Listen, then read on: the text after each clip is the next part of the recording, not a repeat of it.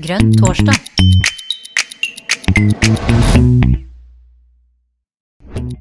Grønn torsdag.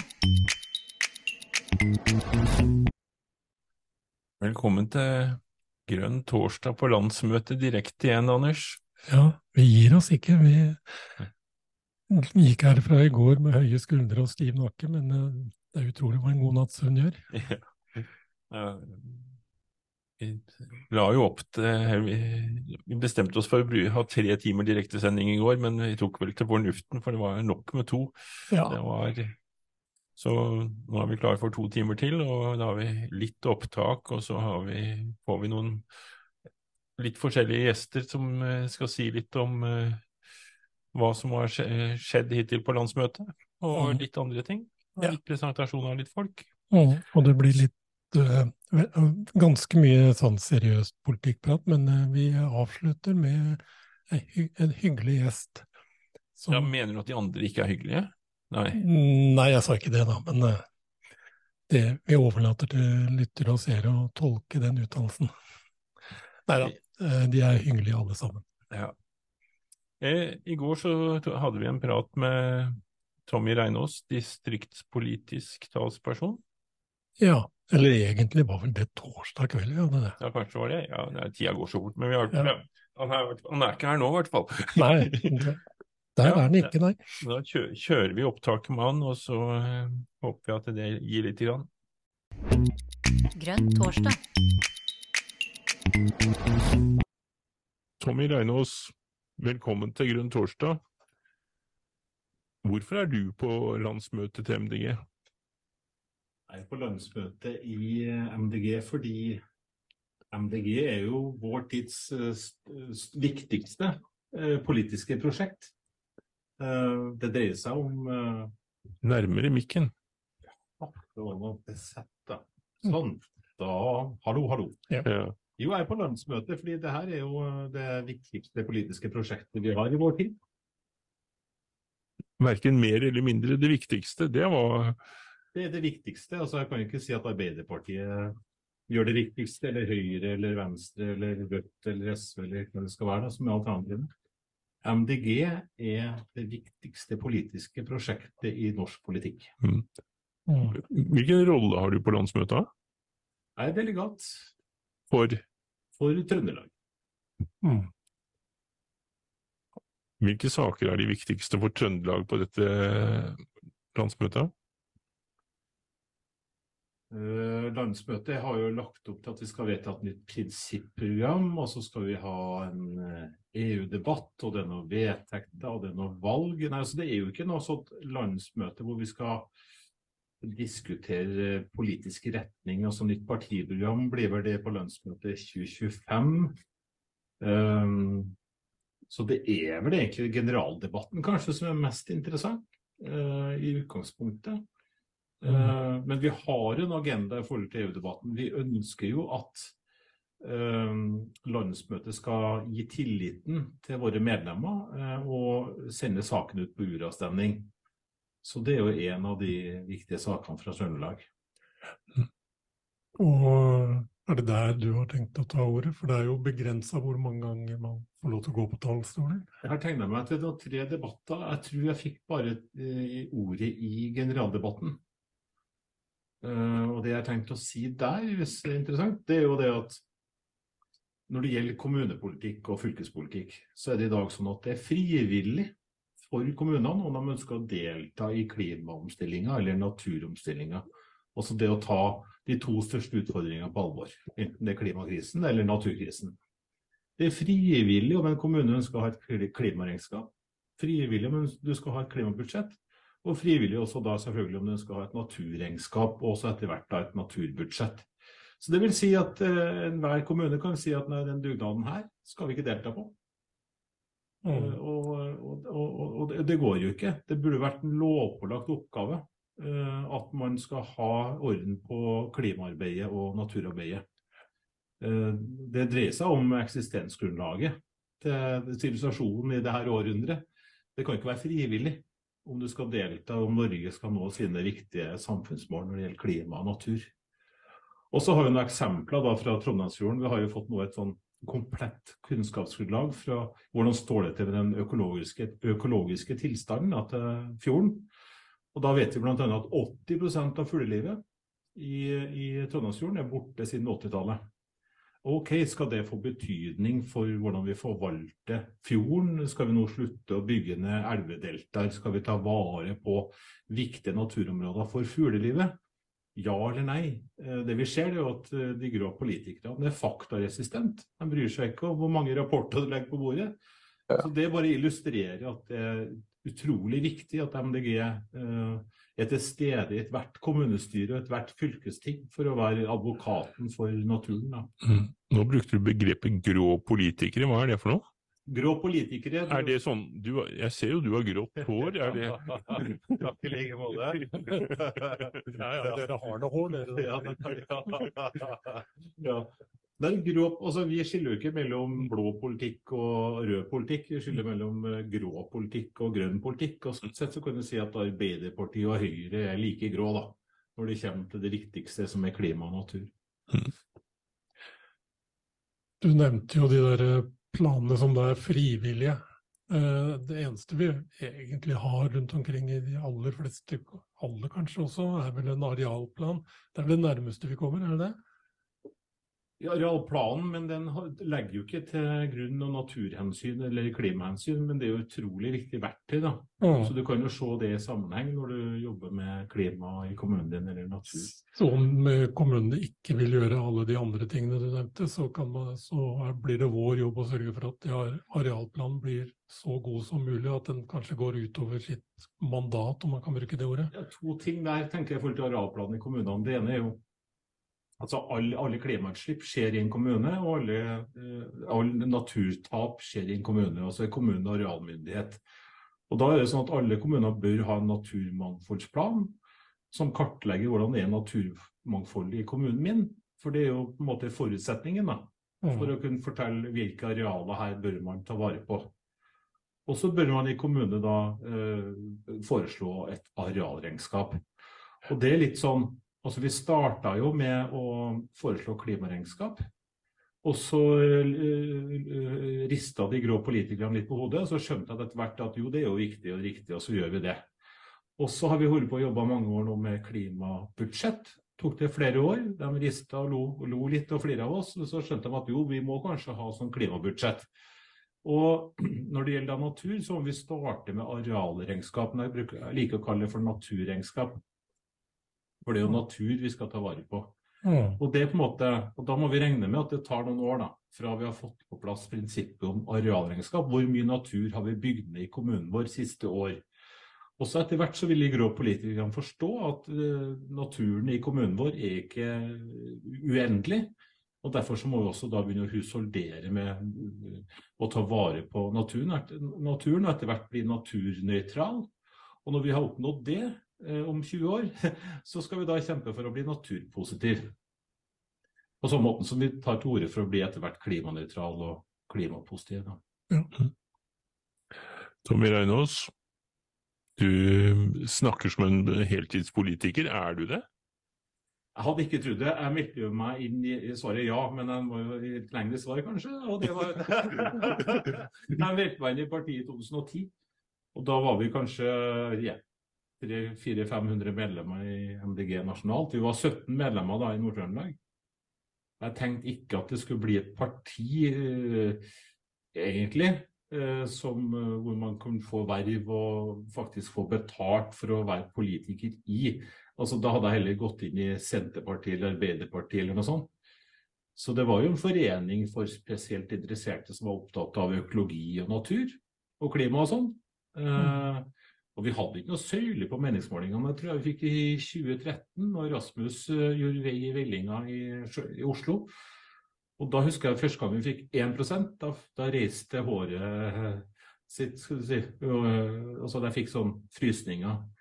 Så det er jo det, det har vært en rask utvikling. Da. Vi har gått fram ved alle valg. Siden altså Første gang jeg stilte til valg for MDG, var i 2011. Da tror jeg vi mangla 17 stemmer for å komme inn i kommunestyret på Stjørdal. Um, men vi har gått fram fra for hvert kommunevalg og hvert fylkestingsvalg, og også ved hvert stortingsvalg. Så vi har hatt fremgang. Så hvis vi går fram, men ikke kommer over sperregrensa neste gang, det er vel ganske godt gjort i så fall. Ja, da vil jeg påstå at det er selvforskyldt. Ja, Fordi det er små marginer i hvert vi kan ikke skylde på velgerne, dessverre. Det privilegiet har vi ikke. Vi Mm. må skylde på oss sjøl, og der er min analyse at når jeg meldte meg inn i MDG, så var vi et parti som var litt i barndommen. Eh, og så kom vi inn i tenåra, kanskje sånn i 2015. Og så er vi nå på slutten av tenårene som Mm. parti. Altså vi er ikke ferdig, vi er ikke, vi er ikke blitt voksen som parti. Og jeg tror at velgerne ser det. Eh, velgerne vil ha voksne eh, partier og voksne politikere inn i det øverste forsamlinga, altså det øverste folkevalgte nivå, som er Stortinget. Så vi har, vi har en vi, vi står på terskelen, tenker jeg, til voksenlivet. Men Vi er ikke der ennå. Men, eh, ja, og en av de tingene som kanskje er i ferd som vi gjorde på forrige landsmøte, var å vedta en langtidsstrategi som gjør at vi kanskje skal bli litt mer voksne. da. Ja. Så det har jo vært veldig bra, da, om vi kan lære av de feilene vi har gjort eh, ved hvert valg, og at vi på en måte kan bli en bedre utgave av oss, av oss sjøl. Vi snakka jo om å bredde ut politikken. For eksempel Du er jo da distriktspolitisk talsperson, Ja da. er ikke det riktig? Så der har, du, du er et av de breiende, utbredende tiltakene, for å kalle det det. Ja, det, er jo- det er hyggelig å få den tilliten, men det er litt som å være eh, Skal jeg bruke et sterkt ord? Det, det er som, litt som å være sånn Satans talsperson i Norske kirke. det, det, det er litt sånn Mission Impossible, fordi vi, i motsetning til la oss si Senterpartiet, da. Senterpartiet starta i distriktene og, og prøver nå å få fotfeste i byene. Vi starta da i byene og prøver å få fotfeste i distriktene. Eh, Så vi er hovedsakelig i dag et byparti. Eh, Og det å da få et fotfeste og en troverdighet omkring det, det er et langt lerret å bleke. Vi har ingen distriktspolitisk kapittel i programmet vårt. Vi har ingen distriktspolitisk plattform. Så det å være distriktspolitisk talsperson i MDG, det er litt sånn at du er litt innovasjons, innovasjonsansvarlig eh, for hvordan skal vi nå utvikle den grønne svaret på distriktspolitikken. Og det er kjempespennende, fordi det grønne skiftet vil i all hovedsak skje i Distrikts-Norge. Altså NIBIO hadde en rapport i 2015 hvor de sa at det var 130 000 sysselsatte innenfor bionæringene, altså landbruk, havbruk, skogbruk. Men potensialet var to til tre ganger. Så all matproduksjon, også alle ressurser, har vi jo i distriktene. Det er ikke, det er ikke indre Oslo by eller indre Bergen eller indre Trondheim. Du kan ikke, du kan ikke dyrke potet der, eller, eller lage vann, vannkraft, eller hva du skal da lage. da. Det er lite skog og, og så videre. Så det er jo, hvis vi gjør det her riktig, så kan vi skissere en grønn distriktspolitikk som gir egentlig en ny, ny giv da, for Distrikts-Norge. Hver- altså, vi kan skissere en retning hvor det skal bli flere innbyggere i Distrikts-Norge, og ikke færre. Denne. Vi ser- vi kommer nok til å høre mer fra Tommy Reinås i, i framtida, tror jeg, og i hvert fall på dette landsmøtet. Så Jeg har fått ordet én gang. det er omtrent det, det gjennomsnittet får. Men, Takk. eh, men du kan alle snarveiene, som f.eks. i replikkordskiftet. Nei, jeg har ikke tenkt å være noe møteplager. Jeg skal, jeg skal oppføre meg. Jeg har bestemt meg for. Det er bra. Ja. Lykke til på landsmøtet, Tommy. Takk for det. Hyggelig. Tusen takk. Grønn torsdag. Hei, hvem er du? Eh, Jeg er Andrea. Eh, Jeg er 17 år. Hvor kommer du fra? Jeg kommer fra Agder, så jeg er sørlending fra Lyngdal. Står du på liste? Nei, jeg er litt for ung. Jeg er 17 og ikke 18. Hvis du, følger, hvis du fyller 18 i dag, eller i år, så kunne du stått på lista. Jeg ble spurt, men jeg måtte dessverre takke nei. Hva skal du gjøre her på landsmøtet? Eh, Prøve å følge med så godt jeg kan og forstå det som skjer. Eh, Fordi det er første landsmøte for meg på MDG, og det er veldig spennende. Eh, Og jeg skal Jeg tror ikke jeg skal si noe eh, på talerstolen, men vi får se. Så det blir veldig spennende. Hvis du skal si noe, hvilken sak er det som du da brenner for? Eh, Jeg tror jeg skal prøve å i så fall få sagt noe på EU, men eh, det er veldig veldig mange som skal si noe som brenner litt mer for enn jeg gjør. Men vi får se hvordan det går. Veldig fint. Lykke til. Tusen takk.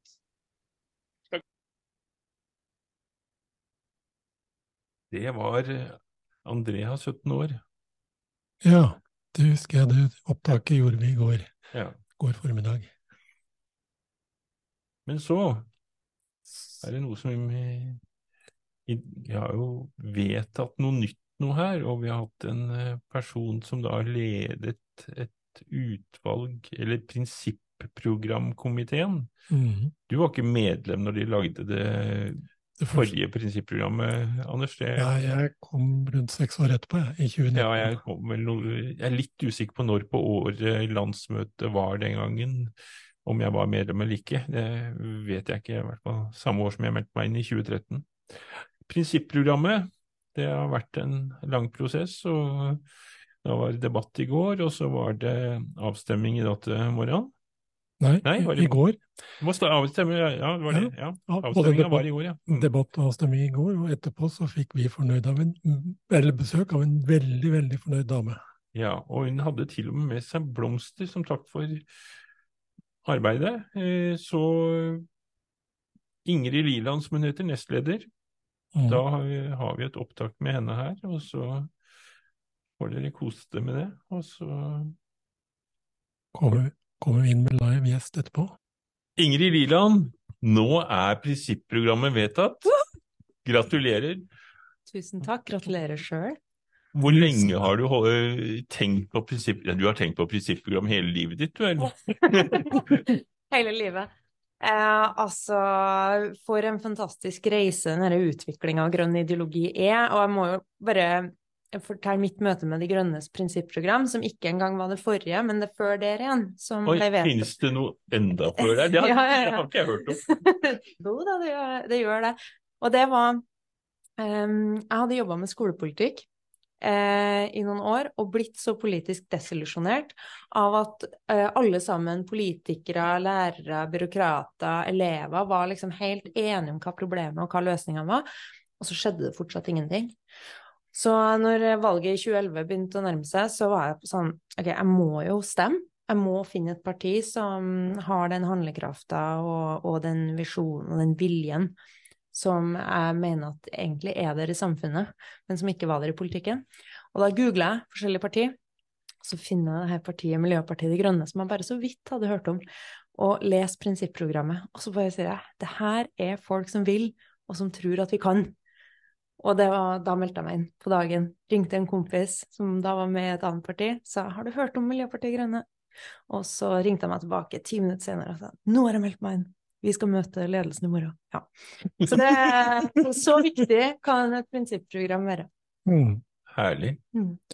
Og det er litt av en eh, jobb som ligger bak det siste året her.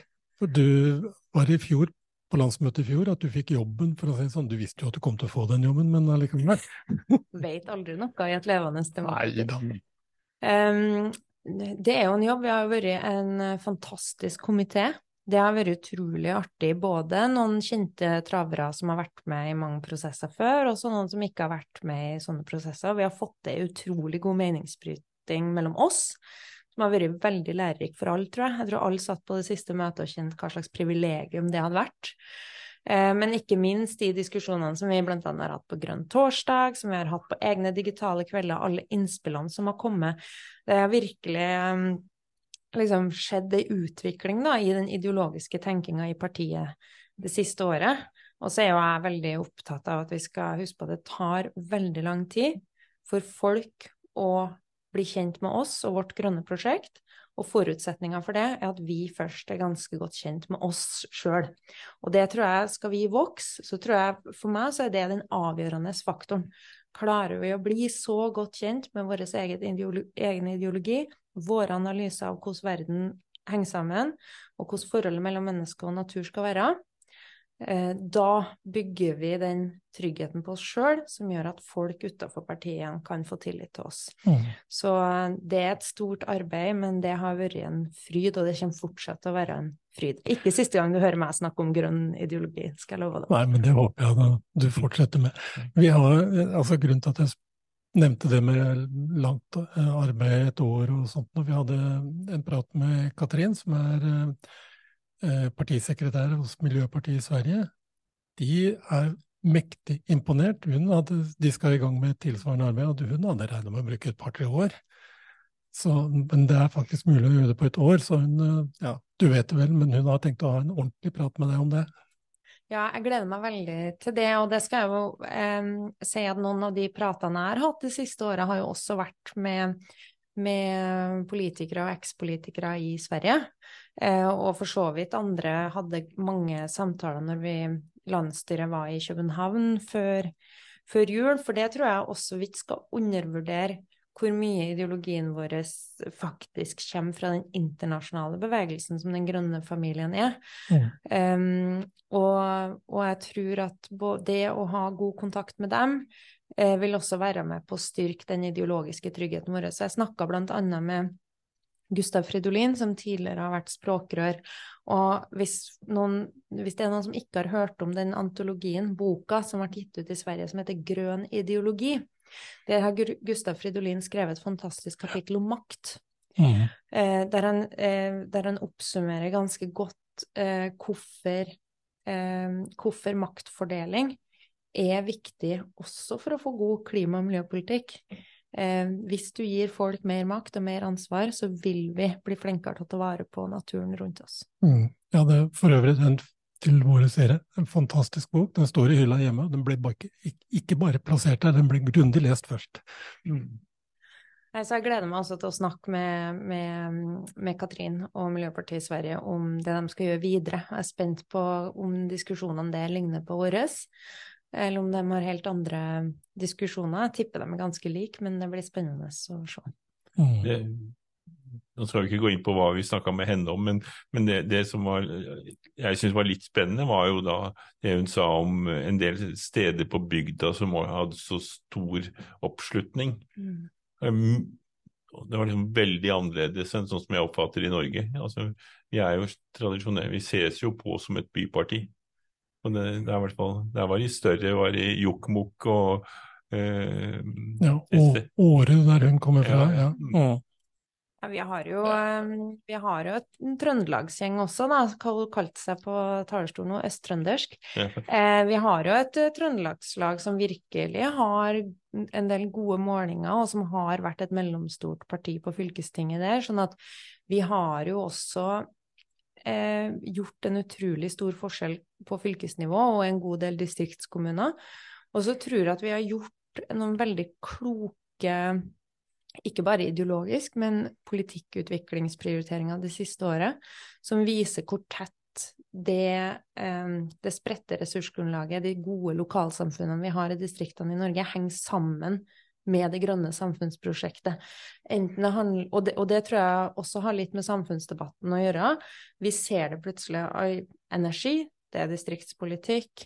Naturvern, det er distriktspolitikk, sirkulær økonomi, lokale verdikjeder der vi tar i bruk lokale ressurser og faktisk foredler dem. Mm. Alt det her er distriktspolitikk, og der er jeg veldig glad nå for at vi, vi har gjort noen utrolig kule politiske forslag på Stortinget, i tillegg til alle programprosessene vi har hatt i hele landet, eh, med nærenergi, med energieffektivisering, med prioritering av kraft, som vil gi en helt annen dimensjon og et innhold til distriktspolitikken, sånn at ikke bare distrikt handler om å være imot noen som uh, sitter langt unna, men som faktisk handler om å skape gode liv eh, på små og mellomstore steder.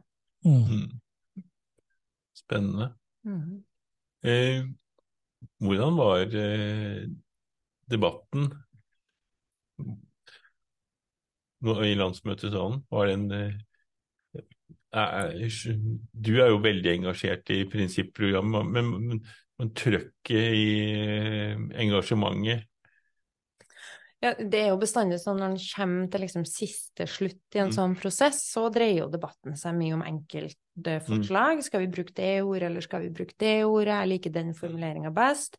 Eh, og så har vi hatt noen eh, Det har jo vært noen vektige tema oppe på talerstolen. For, eks, eh, spørsmål om skal en grønn økonomi være avhengig av å vokse?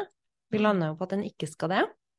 Eh, og det er jeg veldig fornøyd med, men det er jo eh, det er ganske tøft gjort da, av grasrota i et parti som landsmøtet er, å ta den type debatter. Og ikke minst ganske vanskelige tema som eh, det landsmøtet stemte igjennom at vi skal være interseksjonelt feministisk og antirasistisk. Det er debatter som i andre partier og ute i offentligheten har ganske steile fronter og er tufta på en mistillit og, og, en mistenksomhet til andres meninger og motiver, der vi evner å ha en ganske voksen og grundig og kunnskapsbasert debatt, mm. der vi aksepterer at, at uh, ord faktisk har ulik betydning for ulike folk, og, uh, og akseptere at uh, det som for noen er et viktig verdibegrep, for andre er et fremmedgjørende verdibegrep. Og det tror jeg, det at vi tør å ha den type debatter på et ideologisk Igjen, når vi skal prøve å finne oss sjøl som en prinsippprogram. Det er ganske personlig. Mm. Um, det tror jeg sier noe om oss som parti, og det gjør meg veldig trygg på at, vi, at vi, vi, er klar for å bli en enda større maktfaktor i norsk politikk, som den grønne polen. Mm. Og jeg er så glad for at vi har den grønne polen, altså ikke bare den røde og den eh, blå sida, men at det, tegner seg ut, og det har blitt gjennom dette året her mye tydeligere for veldig mange at vi faktisk er et tredje alternativ. Vi er, eh, vi er ikke bare plassert på den vanlige skalaen bortover der et eller annet sted, som mange prøver å gjøre, selvfølgelig. Ja, jeg var senest i går i en paneldebatt i Porsgrunn om industripolitikk og kraft, og der var det første som skjer, er at folk spør hvorfor MDG er plassert der i panelet, hører de ikke hjemme der borte, eller hvor skulle de nå til? Så, så vi, vi og, det, og det er jo klart at det er jo alltid litt ubehagelig når vi, vi, er masse folk som har kommet inn med ulike erfaringer, med en sterk motivasjon for å gi samfunnet vårt en ny politisk kurs. Mm. Um, og da er det jo lett når de røde og de blå de er veldig opptatt av å sette merkelapper på oss som passer i deres gammeldagse grå fortelling. Mm. Um, og det står det ganske respekt av å være grønn politiker og tørs å fortelle ny, uh, ny fortelling i en sånn virkelighet der de andre er veldig opptatt av å sette merkelapper, media også. Mm. Uh, så det er, ganske, det er en ganske vektig, men, men tøff, modig jobb alle våre lokalpolitikere og politikere gjør hver dag når de deltar i debatter. Men vi kommer mm. til å komme dit, og, og vi skal Det er veldig mange eksempler. Jeg nevnte jo noen i, i salen enten det handler om lakseskatt eller jordbrukspolitikk eller næringspolitikk. Men du kan også tenke internasjonal solidaritet når det gjelder oljeutvinning. Er, eller kraft, elektrifisering av kraft. Der var det jo Frp som fremma det forslaget om, om, om, CCS på Melkøya. Sånn at de gammeldagse politiske skillelinjene de er ikke mest relevante i de store spørsmålene i vår tid. Det går mellom grønt og grått, og vi skal få med de andre partiene som er litt grønne, få bli enda tydeligere på den grønne polen sammen med. Takk, Ingrid. Du har gjort en fantastisk jobb med dette. Nå må vi komme oss videre med den. Nå har vi det papiret, det heter vel ikke det lenger, men det, det dokumentet legger til grunn, og så får vi se hvor lange tidsperspektiv, eh, hvor langt tidsperspektiv dette vil virke. Den forrige var fra 2013, ikke sant? Ja, stemmer. Så vi får vel håpe at vi tar opp denne før 2033, men det, det får vi se. Det... Ja, vi, skal, vi skal ikke være så vi skal videreutvikle ideologien vår, også mm. det som står på papiret. Vi håper jo vi har lagd et tidløst program, men vi skal uansett videreutvikle tankegodset. Grønn ideologi er mye mer enn du får plass til i et dokument. Mm. Eh, så det gleder jeg meg til. Vi har bare så vidt starta. Tusen takk. Grønn torsdag. Ja, det var Ingrid Liland og prinsipprogrammet. Hun, var, hun var i hvert fall strålende fornøyd. Ja, det hadde hun vel all grunn til. Ja. Og nå har vi en uh, gjest i studio. Ja, endelig er- er vi live. Ja. Han er fra Øygarden, og du er toppkandidat der. Stemmer det. Andreas Åmevik. heter jeg. Mm. Mm. Ja. Hva er det du brenner for, da? Nei, det er jo ganske mye. Eh, på vegne av min egen eh, kommune, sånn, så er det Vi er en industritung kommune. Det er mye oljepolitikk, det er mye oppdrett. Vi er jo den kommunen i Norge med femte lengste kystlinje, har jeg funnet ut. Så, så alt Oi. som har med hav og kystpolitikk, det er relevant for oss. Og det er òg ting som opptar meg. Så, Så det er, men hva kommer du til å fronte i valga? Ja, det blir jo det å ta vare på og bevare de verdiene vi har innenfor eh, altså kystlinjen, eh, naturen vi har igjen. Det er en eh, natur som er under sterkt press. Mye nedbygging, særlig i de sårbare områdene og strandsonene. Prøve å få på plass et eh, arealregnskap. Begynne å føre budsjett på klima. Ja. Mm. Både arealbudsjett og klimabudsjett. Egentlig, ja. Og regn, ja, for har man regnskap, så skal man jo ha budsjett. Ja, ja både regnskap og budsjett. Så vi, Mm. vi mangler det meste der. Så Der føler vi at det er et stort uh, potensial for å, for å gjøre ting bedre. Mm. Jeg har hørt noen rykter om et oljenettverk. Vi hadde en kar her i går også fra Stavanger. Du er involvert der også? Ja, jeg har vært med. Jeg heiv meg på når han eh, etterlyste eller søkte folk i eh, oljenæringen til, til dette nettverket. Og så har vi kastet oss rundt og sendt inn en resolusjon til landsstyret som skal behandles nå i juni. Ja. Så den, Spent? Hem? Er du spent? Ja. Det er alltid spennende når du tar opp eh, nevner olje og MDG i samme setning. Så eh, ja. Nei, men vi er godt fornøyd. Vi tror eh, målet her er å bringe inn noen nye perspektiver på hvorfor vi har den beste politikken, og når det gjelder olje- og gassindustri. Men da er det vel, hvis jeg har forstått det riktig, så er det jo det å se arbeiderne der, altså se menneskene og Ja. håndtere Mm. det, og så kan man tilpasse seg til en virkelighet som fakti faktisk er der. Ja. Og så ønsker man jo å to stoppe oljen. Ja, men det vi har gjort er å se litt på hvilken retning det går, utviklingen på norsk sokkel. Det handler om hvor mye ressurser som er igjen, hvor mye som produseres i de ulike feltene. Og det at faktisk mange felt har planlagt sluttdato eh, både før 2035, som vi har i vårt program, eller i den tiden der, da. Mm. Ganske mange av de største feltene skal stenge ned da, uavhengig av hva vi sier. Og da er det ganske mange tusen mennesker som trenger en ny arbeidsplass. Mm. Og vi mener at det arbeidet bør komme i gang eh, tidlig og gi folk en, en solid plan for hva de skal gjøre i tiden etter oljeindustrien. Mm. Ja, men det høres Det er jo Ja. Ja. Men, men det er ikke noen, som er, altså noen av de andre partiene som har satt tak i, eller er det noe tema i den politiske debatten i de områdene som det gjelder? Altså det er jo Gjennomgangsmelodien i, i politikken nå er jo at eh, det skal utvikles og ikke avvikles. Og så Mm. virker det som at mange tror at vi kan fortsette som vi har gjort nå, med det samme høye aktivitetsnivået og samme høye produksjon. Men det kan vi ikke uansett hva vi bestemmer oss for. Uansett hvor mye vi leter, så er det rett og slett mindre ressurser igjen. Det går stadig nedover. Så, og Det tror jeg mange ikke vet. Altså Når vi snakker om å avvikle oljeindustrien, så er det jo ikke snakk om å skru igjen fra eh, 100% til null på én dag. Altså De produserer nå med 5 av det de gjorde for eh, 20 år siden på mange felt. Så det er å skru igjen fra 5 til null. Det er en ganske stor forskjell.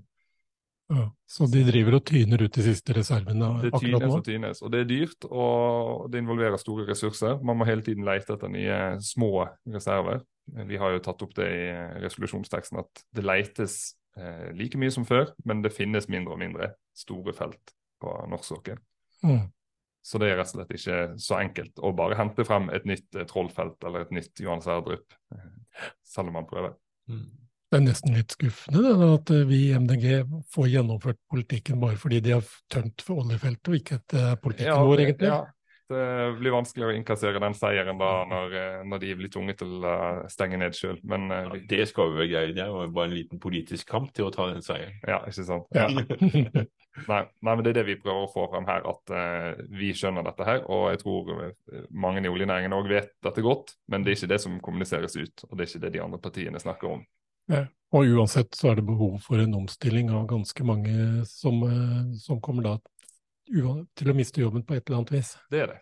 Så det, og det er både fordi at det begynner å gå tomt, og fordi at eh, EU skal på vei vekk fra eh, olje og særlig gass. da. Så de nye planene til EU nå medfører jo et mye lavere, eh, en mye lavere etterspørsel etter norsk gass eh, i 2030 og frem mot 2050, som de sjøl Mm. har eh, planer for.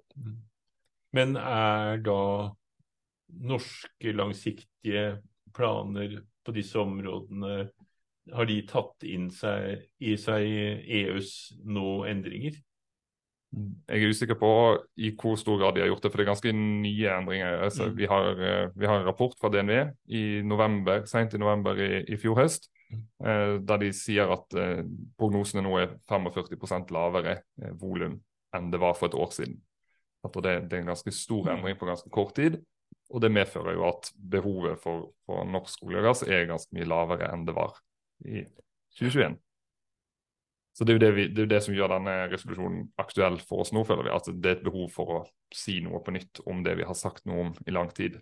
Men Mm. eh, men òg løfte frem litt nye eh, grunner til at vi har gode løsninger. Nå er ikke jeg helt oppdatert på MDGs politikk på olje utover de store overskriftene, men er det noen en det, I deres forslag er det noen endringer eh, For du kjenner vel da ti tidligere vedtak i detalj? Ja. Nei, Vi er kanskje enda tydeligere på at eh, den omstillingen må komme i gang, og at den omstillingen skal skje i samarbeid med oljearbeideren. Altså at vi, vi tar den kompetansen som finnes, og, og sammen jobber frem en plan for omstilling.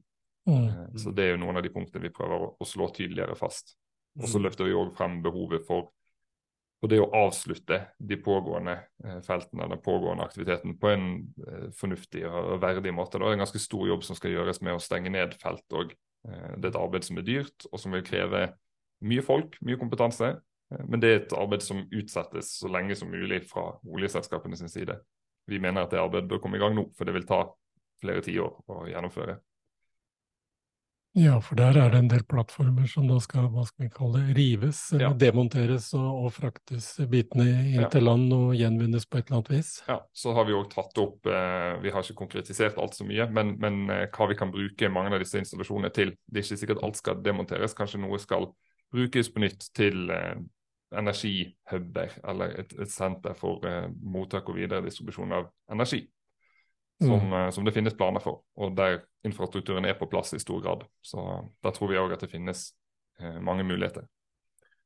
Ja, og, tenker du da på type eh, havvind og sånt, som de kan være hubber fordi de allerede har eh, hva skal vi si, strøm fra land ut dit, så kan de få bare frakte strømmen andre veien? Det går an å tenke seg. Og så har man da en svær eh, betongplattform mange steder som står fast på havbunnen og har en levetid på kanskje mange hundre år til, hvis den vedlikeholdes skikkelig. Sant? Så da har man allerede mye av den infrastrukturen som gjør det dyrt i utgangspunktet å skulle tenke i de baner. Ja, det er, det er det er, mu, mu, det er arbeidsplasser der. Jeg er jo veldig opptatt av det.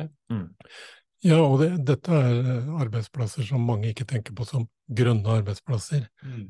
Den definisjonen av hva som er en grønn arbeidsplass, er, eh, den kan bli ganske vid etter hvert. Det er alt fra da type vanlige anleggsarbeider, rett og slett, Ja. som skal rive eller demontere plattformer eller bygge om eller et eller annet. Og oppover og rundt omkring til ingeniører og Mm. elektrikere og teknikere. Til og med sånn som deg og meg, Jon, som er IT-folk. Det vil Ja. Jeg er litt mer enn det. Jeg er faktisk ut, jeg har fagbrev som instrumentmekaniker, og alle de det sa jeg vel i går også, men alle de som da jeg gikk i lære samtidig med, de dro ut i Nordsjøen, men jeg, jeg ble eh, natur- og ungdomaktivist isteden. Ja. Ja, jeg kjenner til det. Det er mange av mine studievenner også som, som gikk inn i oljeindustrien og fikk jobber knyttet til olje og gass, og etter hvert òg havvind, da, som er store, store næringer og gir mye arbeidsplasser. Så. mm. Men, eh, men det er jo et poeng som vi, vi prøver å få frem, dette her med at eh, omstillingen må komme i gang raskt, og vi trenger en, en troverdig plan og, og, og frigjøre disse ressursene som i dag brukes i, i stor grad til leiting og levetidsforlengelse på felt som i utgangspunktet går på sparebluss og har lite produksjon igjen. Mm. Mm. Og selvfølgelig da også liten lønnsomhet. Eh, Ja, men, eh, men det er jo klart lønnsomheten i olje- og gassnæringen er jo stor. Så selv om du produserer 1% av det du gjorde en gang i tiden, så tjener du fortsatt ganske mye. Ja. Så det er jo det som, men, men her har vi jo muligheten til å gjøre politiske valg òg. Men hvis vi hopper tilbake igjen til Øygarden, eh, hvor er det én inne i dag, eller? Vi er to i kommunestyret i dag. Ja. Ja. Og håper på å bli to neste gang også? Ja, vi har, vi har et uh, mål om tre, da. Oi! Ja, at vi gjør en økning og blir en eh, Da, da føler jeg vi kan kalle oss en gruppe i større grad. Jeg vil jo si at to er nærmere gruppe enn eh, i, i, Det i hvert jeg, fall- jeg, er- jeg er bare én. Ja, du er en litt liten gruppe, men eh, ja. Nei, så vi, vi håper å gjøre et eh, godt valg. Og eh, jeg kan jo tenke meg at mange av spørsmålene vil handle om og, uh, olje- og gassindustri, Mm. oppdrettspolitikk uh, og naturpolitikk, som, Mm. som er områder som vi er opptatt av, og som vi eh, brenner for lokalt. Og det høres ut som du har da solide, velfunderte, gode svar på, på mye av det der. Så for meg i hvert fall så høres du veldig troverdig ut, og det er vel en grei sak. Det Ikke det at det er jeg som er dommeren i dette her, men Nei, men vi får håpe velgerne tenker det samme. mm. Så Det er litt tanken bak disse resolusjonene òg. Da har vi noe konkret, og vi har noe som er gjennomarbeidet og, og vi har tenkt å bruke aktivt. Mm. Mm.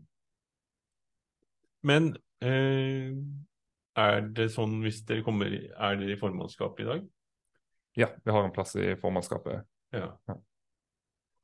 Så da hva, hva, Hvis dere blir, blir tre, da, er det noen posisjon dere sikler på? Er det som varaordfører? Nei, vi, vi, vi får se om vi, eh, vi går for en sånn posisjon. eller Vi, vi er opptatt av å få satt litt grønn farge på, eh, Mm. på kommunen. Og da, da er det jo særlig kanskje innenfor planarbeid, planutvalg, der vi kan få, Mm. få en del gjennomslag. Og der vi ønsker å bidra med, med konstruktive innspill og Mm. trekke eh, en, egentlig en ny tankegang. Altså Vi må tenke litt nytt rundt arealet, som, som får en stor betydning for veldig mange områder innenfor politikken. Det er på boligbygging, og det er på samferdsel og kollektivtilbud. Altså Mye henger sammen med hvordan vi bruker de arealene. Så, Mm. så planutvalg, det, det er sånn drømmeposisjon for oss. da. Så, så hvis vi snakker med deg her på landsmøtet neste år, så kan vi introdusere deg som leder for planutvalget. Ja, vi får håpe det. Mm. Ja, at, eh, fint. Med et uh, rykende ferskt uh, klimaregnskap og arealregnskap uh, på bordet. Mm. Jeg lurer på ja, om vi skal hoppe til et av, uh, et av opptakene våre. Mm. Hvis ikke du har noe mer du skal si? Jeg føler jeg har fått snakket, uh, snakket godt fra meg. Så Ja. Ja. Du får iallfall ha lykke til i valget. jo, takk for det, og takk for at jeg fikk komme. Grønn torsdag. Da har vi fått eh, besøk i studio av Katrine. Hvem er du, Katrine, og, og hva heter du egentlig mer enn Katrine? da? Vi kan begynne der. Jeg heter eh, det lange navnet Katrine Palm Spange. Eh, veldig ofte katt, på i hvert fall på tekst. Um, kommer fra Nøtterøy, som ligger i Færder kommune. Er nummer to på kommunelista derfor nest på valget. Og så står jeg på fylkeslista Vestfold nummer sju. Og dere er hvor mange inne i kommunestyret i dag? I kommunestyret da, Jeg er sitter jo som uavhengig, siden jeg kommer fra meldte meg til Arbeiderpartiet i denne perioden. da. Ja. Men jeg regner meg jo sånn sett henger sånn halvt med. Um, og da er vi fire. Ja, så du er eh, du, Vi er femte. Ja, så du føler deg, når du er på nummer to på lista nå, så føler du deg nesten trygg på å ta en periode til? Ja, Men tenker denne gangen med en ordentlig grønn hatt, liksom? Ikke sant. En sånn åpen grønn hatt. Ja. Ja, for du, eh, vi har jo hatt en prat med deg på Grønn torsdag en gang før, og da mener jeg å huske at jeg sa at eh, du hadde vel et, et av landets mest berømte partioverganger. Så Mhm. den ble ganske offis offisiell eller åpen underveis eh, på Twitter og litt her og der. Ja, Det gjorde den. Altså, det er klart, fordi jeg tror jeg representerte litt det som også er en grønn det, altså det er grønne bølger i alle partier, egentlig. Både Høyre, Arbeiderpartiet og de andre. Også i Frp, faktisk, som vi ser i, i Mhm. Færder. Ja. Så, så eh, det ble vel egentlig kanskje en, en av den første For det var jo litt før det stupte både for Arbeiderpartiet og eller regjeringen også, da. Det var jo i januar i fjor. Mm. Ja, det er så lenge siden. Ja, det er tida flyr, skjønner du. Ja. Ja, ja. Så meldte jeg meg inn i MDG i august i fjor. Mm. Ja. Nei, altså, du har vært medlem ganske lenge. Ja, Kjell, Kjell- erfaren veteran. Ja. ja. Nei, jeg hadde en her i studio i går som hadde vært medlem i to måneder. ja, ikke sant? Sto øverst på lista og var leder i lokalpartiet. Hadde herlig land, det er lynkarriere. Ja. Godt du hjem. Ja. Veldig bra.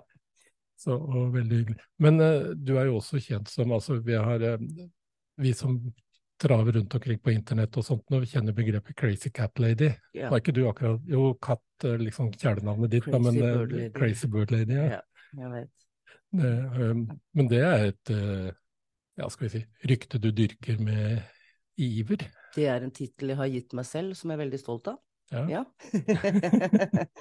jeg er jo godt over snittet fugleinteressert, og så er jo det Fugler representerer jo veldig en sånn men ja, har Alle har hørt om den berømte kanarifuglen i gruva, ikke sant? Ja. Fuglene våre er jo et uh, levende, eh, synlig bevis på at det faktisk er veldig, veldig viktig med et grønt parti.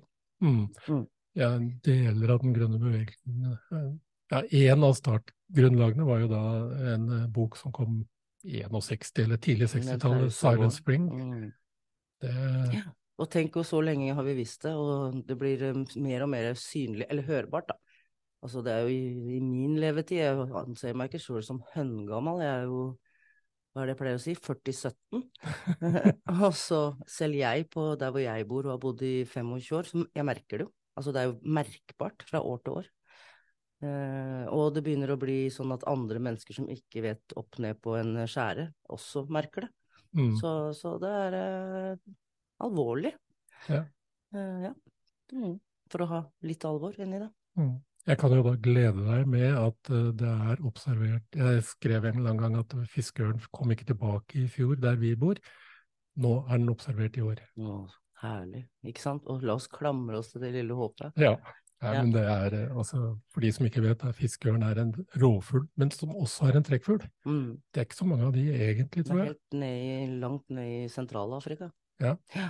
Det er helt fantastisk hvor langt den svære fuglen flyr fram og tilbake, bare for å få unger og fisk. Norsk fisk. Mm. Ja. Så det må vi passe på at han får. Mm. Den som jeg snakker om, henter da mjøsørret og Ja, abbor og litt sånn forskjellig. Nemlig. Mm. Ja. Mm. Men uh, i tillegg til fugl, har du noen andre hjertesaker som har, på en måte har leda deg inn i politikken? Politikk er jo absolutt det viktigste vi har på alle bauger og kanter. Det bestemmer jo busslommer, lufta vi puster i, veien vi skal gå på, sykle på, kjøre på. Altså det bestemmer eh, så å si alt. Så mm, jeg ble alltid, jeg ble alltid liksom tilegna at jeg er i politikken av fugl, men det stemmer jo ikke. Um, jeg er i politikken fordi at hvis vi skal få noe gjort, så er det der vi må være. Mm. Så hjertesak Klima- og natursak er jo menneskesak, ikke sant. Så det, jeg, vet, jeg klarer liksom ikke helt å skille alt sammen. Jeg burde sikkert gjort det, nå høres jeg kanskje litt flosklete ut, men det er Hvis ikke vi har um, natur, så har vi ikke lykkelig menneskeliv, og har vi ikke lykkelig menneskeliv, så klarer vi ikke å ha natur, så alt henger sammen med alt. Så det, Du er eh, det vi kan kalle en allround-politiker. ja, det høres jo i skikkelig dølt ut, men, eh, men Ja, men noen må ta den rollen. da. Ikke sant, jeg får ta den dølle rollen. Nei, det er jo sånn noe overordna, selvfølgelig, men, men eh, jeg, politikk er dødsens viktig, og det håper jeg mange forstår. Mm. Og ikke sier at politikk er så kjedelig, for det er det ikke. Nei, altså jeg koser meg på landsmøtet selv om jeg bare er observatør denne gangen. Ikke sant, jeg er observatør, jeg også. Mm. Sitter og følger med og lærer MDG å kjenne. Ja. Kjempemorsomt. Yes. Mm. Eh, da tror jeg vi sier tusen takk til Katrine Palm Spange, som har vært en liten tur i studio. Det er hun som sitter der. Hei, hei. Takk skal du ha, Katrine. Takk selv. Det var Katrine Palm Spange, du, som du hadde en lengre samtale med. Men du, du har snakka med en fyr enda flere i dag, du, Anders. Ja, ja, det er var- vel Jonas du var liggende på blokka nå, er det ikke det? Han, eh, Jonas Jeg bare skriver Jonas AG. Det var litt for vanskelig.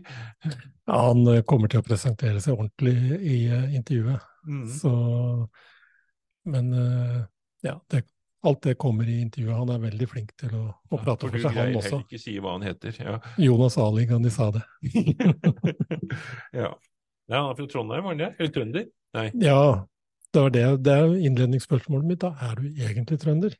Men så vil vi høre hva han svarer. Da får vi svar på det. Da har jeg fått eh, besøk i studio av en eh, trønder. Eller er du egentlig trønder, Jonas? Eh, Jeg tror du har flytta litt på deg og sånt nå, ja? Eller? Jeg har bodd ganske mange forskjellige steder rundt omkring i verden. Både Hønefoss, Australia, Nepal og Finnmark. Men så endte jeg opp til slutt med å slå meg til ro i Trøndelag, da. Mm. Så nå er jeg blitt trønder. Ja, jeg kalte deg bare Jonas, jeg, men øh, ja, hva skal vi si, navn og nummer, fullt navn og litt mer om hvem du er. Og... Ja.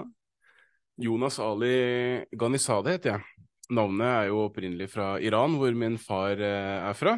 Mm. Jeg bor i Trøndelag, Trondheim, hvor jeg er på eh, fylkestingslista for eh, MDG, og på lista til, til bystyret, da, som det heter i Trondheim. Ja. Du er ganske høyt oppe, eller? Ja, jeg var så heldig å få den tilliten da, til å være på tredjeplassen på fylkestingslista, og så er det vel åttendeplassen til bystyret. da, sånn at det er jo en sjanse for å komme inn da, hvis vi driver en god valgkamp. Ja, begge steder til og med? Begge steder. Det kan bli noen hektiske fire år, men det er bra. Ja, ja. Men øh, du er ung, og det tåler du. Ja da, det, det er nok.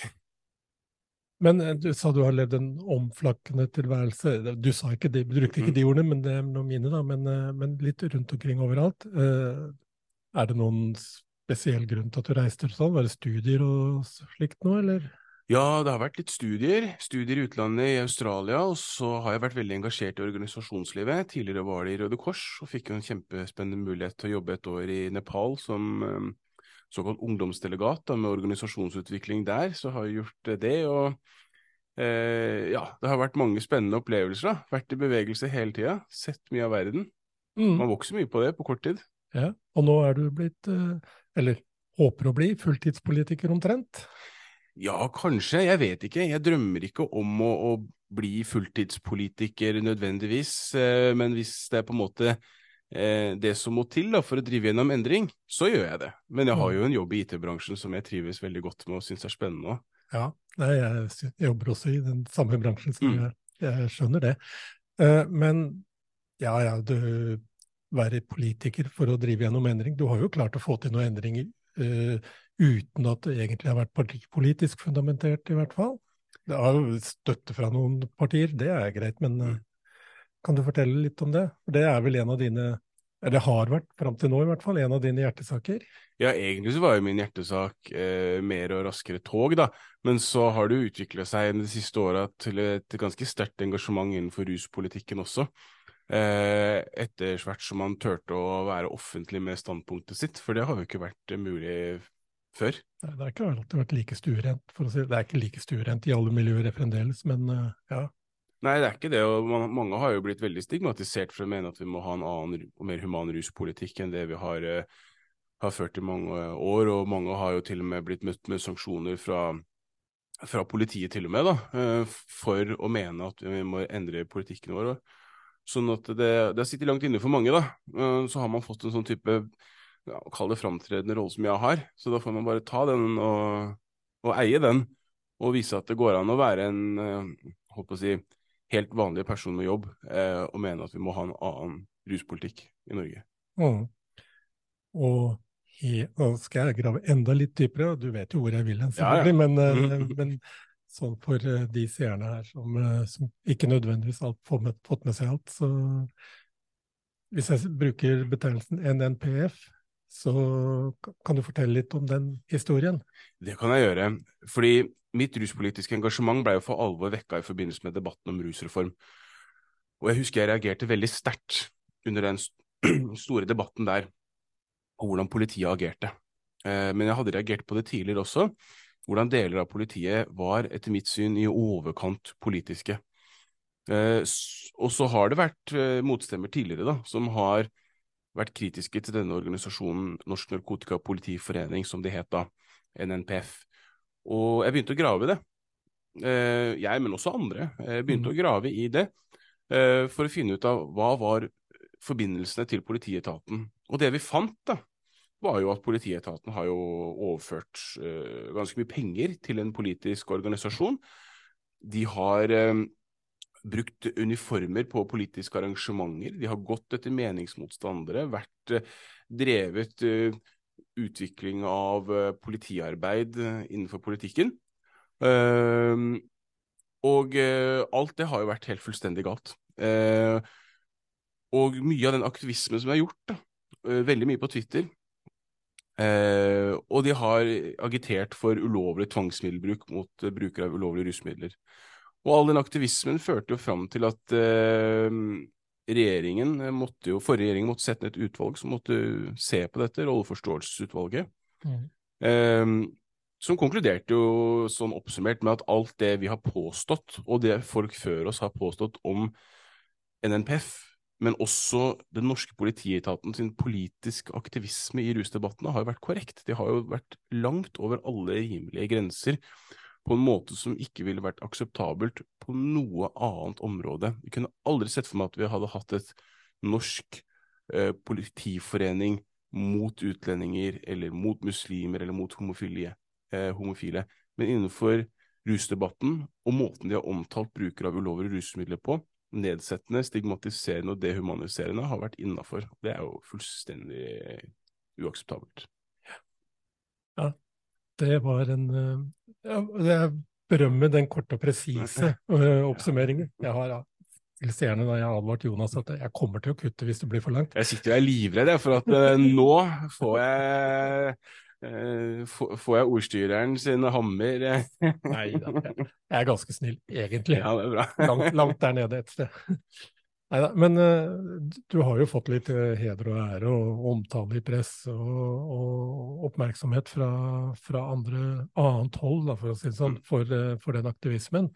Eh, også for å bringe det tilbake til, til politikken. Da. Det er jo Mm. egentlig derfor vi er på landsmøtet. Ja, det er jo det. Det er, eh, ja, det er eh, bra med aktivisme, det er bra med interesseorganisasjoner, men et politisk parti er eh, noe annet. Det, vi har en god del aktivisme blant de folka som er her eh, også, men, men som samlet som politisk parti så skal vi jo se etter de store helhetlige løsningene. Vi, må selvfølgelig Mm. ha den type hva skal vi kalle det, gravevirksomhet som dere har gjort, Mm. det er sant, men, men klarer du å bringe dette videre? For vi har ikke noen rusreform enda. Vi har jo ikke det. Og, og all den aktivismen og gravinga og liksom Skal vi si at vi på en måte går etter er det som het NNP før, da, bunner jo i et ektefølt engasjement for en ny ruspolitikk. Og det at jeg er såpass mye i media når jeg får anledningen, er fordi at jeg ønsker å normalisere det at eh, folk kan være åpen om å ønske en annen ruspolitikk. Og så peker vi gjennom aktivismen på problemene og øker bevisstheten i befolkningen på de problematiske sidene med norsk ruspolitikk. Og så kommer vi inn i de politiske partiene som MDG, og da skal vi operasjonalisere det inn i konkret politikk som, som, som skaper endring.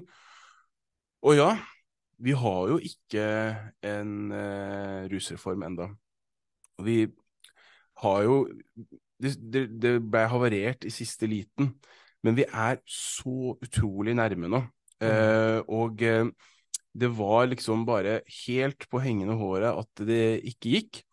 Eh, men vi har beveget oss enormt mye de siste fire til fem årene, eh, hvis man ser litt stort på det. Og så er jeg helt overbevist om at rusreformen kommer til å skje, men det kommer bare til å skje dersom aktivistene, nå de politiske partiene som er for en ordentlig rusreform, fortsetter å presse på og ikke slippe gassen av den saken, fordi den er så utrolig viktig for de det gjelder, men den har fort gjort at den mister eh, på en måte relevansen i det store samfunnet når vi har andre store problemer. Eh, fordi disse menneskene det gjelder, har havna i en sånn skyggedal, blindsone for samfunnet, og da er det veldig lett å drite i dem, som vi har gjort i så mange år, og det må vi ikke tillate at det skjer. Og så mener jeg at vi må dra ruspolitikken enda videre, da, eh, som MDG er jo et av de mest progressive partiene på i Ja. Norge. Ja, vi er, jeg, jeg sier noen ganger at vi er det beste solidaritetspartiet her i dette landet. Og ja, det står jeg for, faktisk. Ja. det, det, det er sikkert mange andre i andre partier som mener at jeg tar feil der, men, eh, men det gjør jeg ikke. Nei, det, jeg er helt enig med deg. Ja, eh, tusen takk, Jonas, for at du tok deg tid til å komme innom her. Jeg vet at du eh, egentlig, egentlig ville hørt på generaldebatten, men eh, du har jo et hjerte for oss i Grønn torsdag også, så det er bra. Ja. Tusen takk skal du ha. Bare hyggelig. Ja, Nå har vi fått nytt besøk i studio. Nå er vi ferdig Ja. med å høre på Jonas. ja, Jonas med, fra Iran, var det Ja, fa faren hans var fra Iran. Ja. Så derfor det litt eh, For mange, an- mange eh, det litt vanskelig etternavnet. Men det klarte jeg. Men nå har vi Une, som er født i Trondheim, mener jeg å huske. Nei, var det Bodø? Jeg er født i Trondheim, ja, men uh, vokste opp også i Bodø. Ja. Ja. har jeg jo to dialekter. Men, uh, Ja, du, ja. men vi kan holde med, jeg vet ikke hvilken dialekt vi kjører det her på. Jeg tror vi tar tilbake til trøndersken. jeg. Ja. ja. Ja, men veldig bra. Rune. du er stortingsrepresentant, og du sitter i energi- og miljøkomiteen. Men det er ikke derfor du er her nå. For du har forhåpentligvis fulgt med på generaldebatten. Ja. Hva var det faktisk folk engasjerte seg i der? Sånn, hva, hva, hva, hvilke strømninger er det vi har i i hvert fall blant de delegatene som er her. Jeg vet ikke hvor mange som var oppe på Tane. Jeg tror det var 50 Det stykker. var Det var voldsomt mange innlegg, og utrolig høy kvalitet Mm. på innleggene. Og godt forberedte. Mm, og folk bruker jo de to minuttene de har, da. Det er jo korte innlegg. Det er liksom i utgangspunktet føler man man får sagt ganske lite på to minutter eh, hvis man ikke har forberedt seg, men folk har jo forberedt seg. Mm. Så eh, veldig mye, veldig gode innlegg. Og jeg sitter med en inntrykk av at veldig mange bruker den debatten til å snakke om saker som er litt kanskje på siden av det eh, man oftest hører at Miljøpartiet De Grønne eh, er opptatt av. da. Løfte helse, omsorg, løfte sosiale spørsmål, eh, økonomi, ikke vekst, ikke vekst. Eh, det var, ble tatt opp. Også på liksom miljøfeltet så var det kanskje mm, var en del veldig kraftfulle innlegg om natur. da.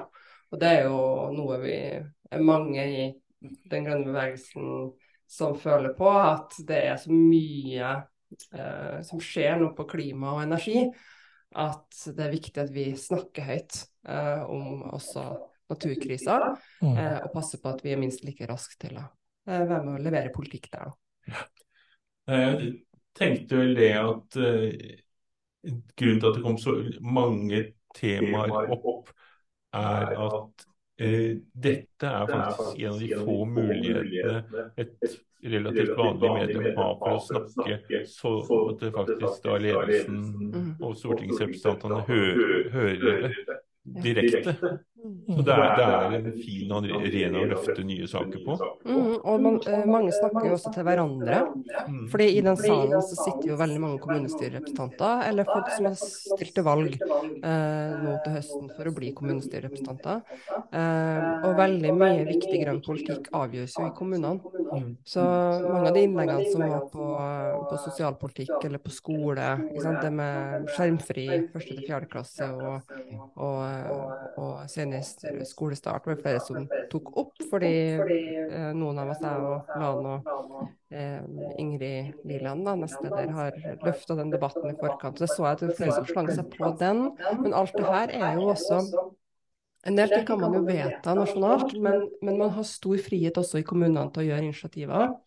eh, og inngå samarbeid og teste ut løsninger.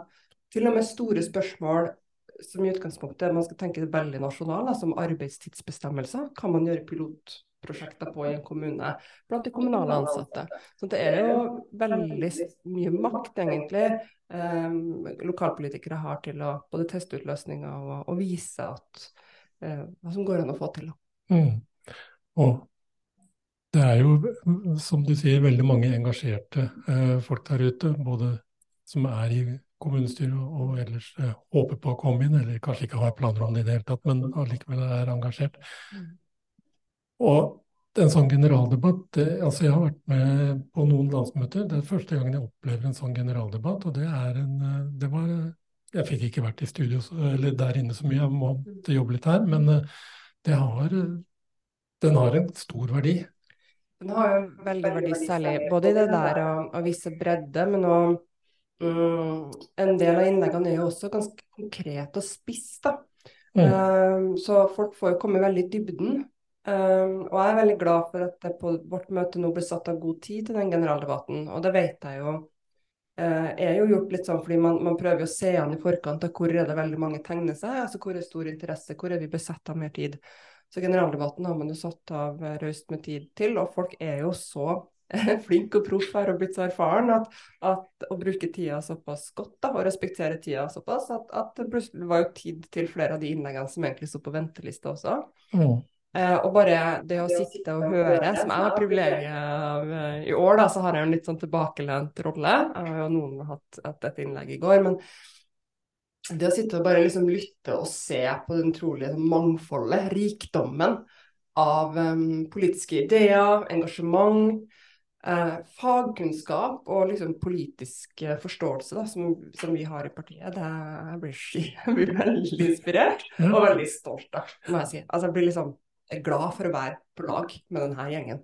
Så det, det, er rett og slett en god måte for folk å starte nye politiske ja, skal vi kalle det programpunkter inn i våre programmer, både lokalt og sentralt? Ja, og jeg tror en del faktisk bruker også debatten til å vise sånn, hvorfor de ble med. da. Altså, eller sånn, det, mm. det, kan være saker de har vært opptatt av i mange år, og så har de blitt med i Miljøpartiet De Grønne.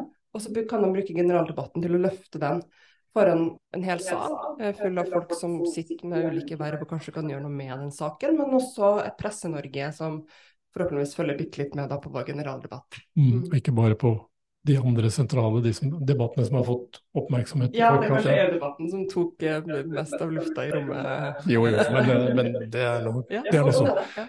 Men, men eh, altså, for en sånn det sitter jo, En ting er da, som du sier, å, å få være spissa og tydelig på, på, hva du ønsker. Jeg, hadde, jeg skulle ønske jeg vært mer tid der inne, for her er det sikkert også inspirasjon å hente til kommunepolitikere du opplever plutselig at en i Nordland sier noe som er veldig betydningsfullt for meg i Ringsaker. Mm.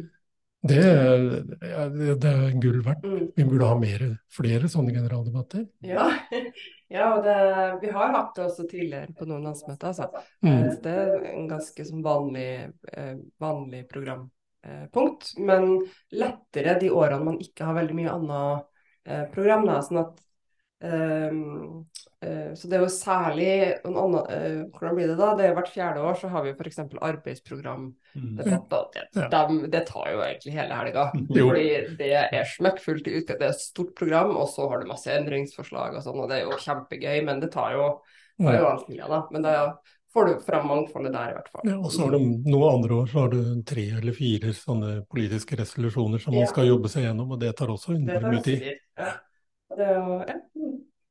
Anders, du vet det at det finnes en ukentlig eh, sånn generaldebatt i MDG? Grønn torsdag. og jeg er så glad vi klarte å si det i kor. grønn torsdag. Ja. Ja. Nei, vi har jo det faktisk som mål, og det å få fram folk og ideer. Så det, ja, mm. det er veldig fint.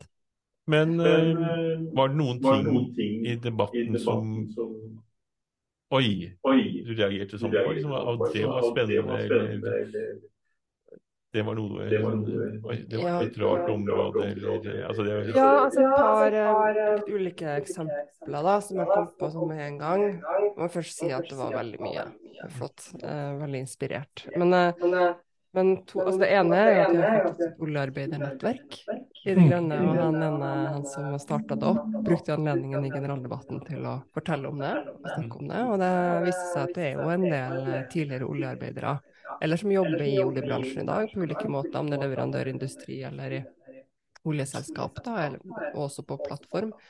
Uh, som er i De Grønne, uh, og, og, ønsker en kontrollert avvikling av uh, oljesektoren, ikke sant. Og, blitt med hos oss nettopp pga. det. Og eh, det var jo artig. Det er første gangen jeg har hørt dem eh, liksom tale som et, som et, nettverk, på en måte.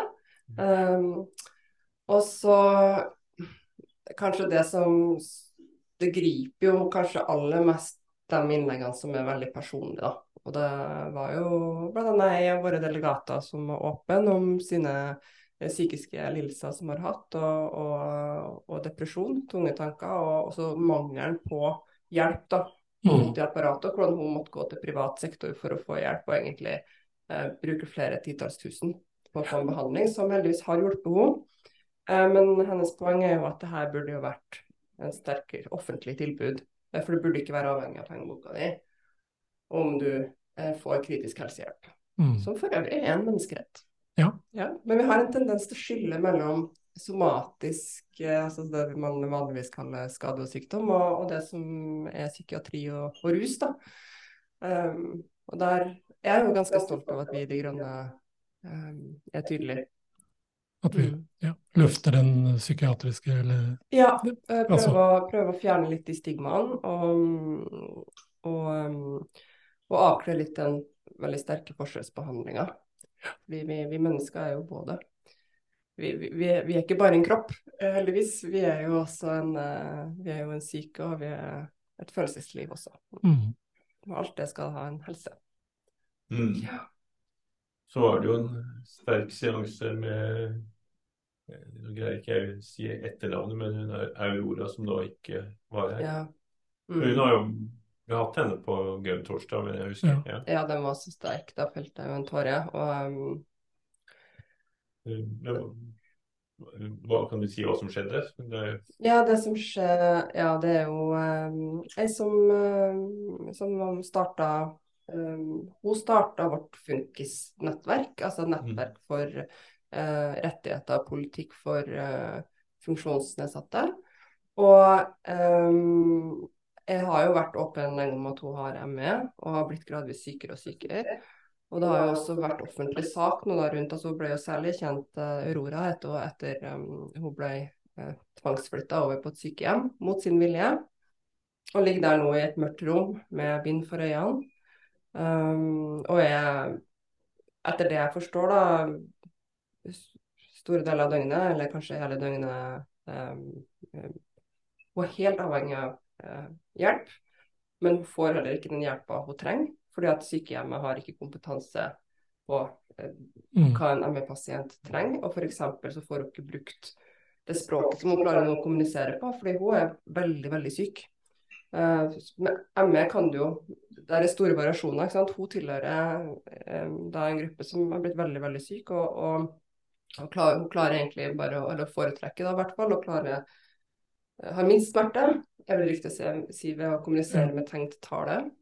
Og ved å liksom skrive i hånda si, og det, det får ikke hun lov til, da. Eh, og det her har de jo både skrevet om, og så har jeg lest om det eh, på trykk eh, før helga. Og så ble jo deler av det innlegget også lest opp for salen i dag. Det er jo det er veldig eh, Ja, nei, det er veldig sterkt og, og ekstremt vondt å akseptere at det er sånn vi behandler eh, kritisk syke. Ja, det burde ikke være Eller det er vel det. Ja. Ja. Jo, det burde ikke være lov, sier jeg, men, eh, men, eh, men det er vel det nå, egentlig. Ja, nei, man kan jo spekulere i hvorfor det er sånn. Altså, nå er ME som sykdom er vel også et eksempel på akkurat det stigma, Mm. eller mangel på kunnskap, fordi det ikke på en måte passer inn i den kategorien som man lenge har brukt da, om hva sykdom er. Eh, Og, og kjempelenge så var det jo Fortsatt er det jo for lav kunnskap i helsevesenet, eh, og, og mangel på helsehjelp det er med pasienter. eh, Og mangel på kunnskap i befolkninga. Så det er jo mange som tror at det her er mennesker som bare på en måte har blitt sliten. Da. Ja. Eh, og det, mens det er, jo en, det er jo en alvorlig sykdom som du kan bli ordentlig, ordentlig, ordentlig dårlig av hvis du ikke får hjelp. Nei, jeg har jo hørt den type kommentarer om at man bare simulerer eller Ja. feiker det, på en måte. Eh, det har vært litt oppslag knytta til hvordan vi gjennomfører debatter og, og sånn. Eh, Ja. Mm. eh, og det er vel verdt å kommentere at heller ikke denne debatten, eh, eller i den, den grad dette var en eh, debatt, så var det lov til å, å klappe, da, med unntak av akkurat den om hun Aurora. Da, da fikk vi lov til å klappe. Men eh, det, er, det er jo det, det høres rart ut, men det er jo logikk bak som er, eh, er, er godt argumentert for. At det, det, hvis du går opp på talerstolen og får Mm. applaus, og så kommer jeg etterpå og ikke får det, så Mm. er det en Mm. Det er jo noe av argumentasjonen her, da. Altså Som parti og organisasjon så har jo vi noen fordeler ved det at vi ikke har liksom eksistert i hundrevis av år, for å si det enkelt. Um, så vi har jo diskusjoner og hatt det ganske nylig om hvordan skaper vi et mest mulig inkluderende landsmøte. For det er jo det vi driver med her, er jo en demokratisk politikkutvikling. eh, og organisasjonsbygging. Og vi skal være eh, et parti hvor eh, alle, som i hvert fall fra alderen kan være medlem i partiet eller i Grønn Ungdom, eh, skal føle seg velkommen og være trygg. Um, og noen av de tiltakene da, som er gjort, handler jo om hvordan det er inne i det møterommet under debatten. Og Man kan jo se for seg da, hvis du er litt fersk, um, og du kommer etter meg, da, f.eks., som har holdt mange taler i mitt liv. Så kanskje får jeg stående applaus, og folk syns jeg var så fantastisk, og ikke sant? Eh, og sånn. Og, og, så kommer du etter meg, og så kanskje har du egentlig tenkt å argumentere mot meg. Kanskje hadde du tenkt å Kanskje var man faktisk uenig. Og det er jo eh, en veldig dårlig eh, opplevelse da, for noen, særlig hvis du er litt ny da. Eh, og så gå opp på talerstolen etterpå når du har liksom akkurat har opplevd at hele landsmøtet eh, en veldig sånn kraftig tilslutning til det jeg har sagt. Det tar jo selvtilliten ut av Ville tatt selvtilliten ut av meg, det for så vidt. da. eh, Ja, erfaring. Sånn at, um, og det var kanskje på en måte Det var jo ytterpunktene, men før det, før det blir så liksom, tydelig òg, så er det jo veldig, veldig mange situasjoner hvor det, hvor det eh, i hvert fall kan oppleves litt eh, mindre trygt og inkluderende, hvis, hvis det er sånn tydelig, eh, veldig tydelig at du eh, eh, skal egentlig på en måte høste applaus eller en tilslutning fra salen. Da. At eh, det skal være nok egentlig å ha et godt politisk poeng som du har lyst til å fremme. Mm. Og, eh, og, um, og ved å og, så oppmuntrer vi jo da, eh, kan jeg jo si, heller til å eh, sende en melding eller gå bort til den du syns holdt en veldig godt innlegg i pausen eller under middagen, og si, at, si det du har lyst til å si. eh, med liksom øyekontakt og et smil. Og, og det er jo en minst like fin måte å få tilbakemelding på. Ja, Jeg har i hvert fall satt pris på de få gangene jeg har vært på talsstand på landsmøtet, de personlige meldingene jeg har fått Mm. fra helt ukjente mennesker for meg den Mm. gangen. Jeg kjenner dem nå, da, men Ja. mm. det Oi, det er noen Ja. som ser meg, liksom. Ja, Mm. ja, ja. Og det der med applaus, og det blir jo fort sånn um, Applaus, det er viktig, for det er jo egentlig ikke en så veldig god måte å gi tilbakemelding på. Eh, sånn, eh, for, for et politisk innlegg, da. For det, du sier jo egentlig bare en sånn tilslutning sånn Vi liker deg, eller vi liker et eller annet av det du har sagt nå. Det er jo veldig lite presist. Ja. Og tilbakemeldinger kan jo, er jo mest nyttig når de er litt sånn Litt Eh, ordentlige. Når, når det er litt forseggjort. Mm. Dessuten applaus er jo noe som har en tendens til å smitte. Altså Hvis Ja. jeg sitter ved siden av deg, du begynner å klappe, så tenker jeg at jeg skal klappe, jeg òg. Ja, Så det er ikke alltid. Ja, hvis ikke så er jeg jo imot. Da, da er det jo litt sånn tilfeldig, da, fort hvem er det som får veldig mye applaus. Altså, så, så jeg, nei, det der er jeg veldig stolt av at vi har tenkt på. Um, og andre viktige ting vi gjør, er jo å prøve å tilrettelegge for at det ikke er for mye sånn fyll og fanteri tidlig på kvelden. Og det, så vi har jo en hvit time etter Ja, vi har fanteri litt seinere på kvelden. ja, så har vi mye tøys, da. Altså, vi, det, er jo, det er jo veldig gøy. Uh, jeg dansa jo eh, Hadde et bad i går kveld og dansa på stranda i badedrakt og sånn. Uh, Ja. helt sånn hippie. Altså, vi gjør jo sånne ting. Mm. Så vi har det jo veldig artig. Og uh, klemmer hverandre og koser kose oss Å. på andre måter. Nei, jeg har blitt advart, jeg. Hvis det er dans, så hold det langt unna Une, for plutselig så er du på dansegulvet. Ja. Men takk, Une. Veldig hyggelig å være her. Ja. Det ble litt. men ok. Ja, da får du ha lykke til på- i arbeidet på Stortinget, og kjempe for naturen. Ja, tusen takk. Så Får jeg, lov, får jeg litt hjelp av deg òg? det skal du få. Eh, Så får vi få til et godt, godt samarbeid på det. Eh, Da snakket, I går så snakka jeg med, eller faktisk på torsdag, snakka jeg med Sebastian Greipstad fra Holmestrand. Han er da toppkandidat for eh, partiet der, hvis jeg da forsto det riktig. Så nå Det er helt ferskt, faktisk? det er, jeg Da kjører vi i gang et opptak her. Hva heter du? Jeg heter Sebastian Greivstad. Hvorfor er du her? Eh, nå er jeg her for å være delegat for eh, Vestfold og Telemark. Så her, her er jeg delegasjonsleder, og jeg er også førstekandidaten for Holmestrand MDG. Spennende. Hvilke store saker er det her eh, som er viktige i Holmestrand? Når jeg vokste opp, så husker jeg veien gikk rett gjennom, men det gjør den jo ikke lenger, så da har vel andre ting å kjempe for? Det har vi definitivt. Eh, det store saken nå er jo Oslofjorden eh, og all den nitrogenforurensninga der. Og så skal det jo også nå plutselig bygges ny vei eh, bak sentrum, istedenfor å bruke den gamle tunnelen som ligger der og forfaller. Så det, det er jo noe vi prøver å kjempe mot, men dessverre eh, tapt foreløpig. Så skal vi prøve enda hardere å få det til å reversere sin beslutning. Sa du nå at det skal gå vei mellom byen og det høye fjellet? Oh yes. Og de skal bare boikotte hele tunnelen. Som allerede er der, da. Det, det syns jeg er eh, ganske utrolig. Eh, jeg mener å huske at det er ei øy utafor Holmestrand også? Og det er det definitivt, og den har vi eh, bittert kjempet mot og eh, tapt igjen av Miljødirektoratet, som ikke ser eh, våre poenger. Og det kommer vi til å fortsette å stå hardt på at skal avvikles innen 2030. Langøya er jo eh, et eh, glorifisert giftdeponi. Men dette er da et nasjonalt eh, deponi, hvis jeg husker riktig? Det er det. Det er det. Drives av NOAH. Mm.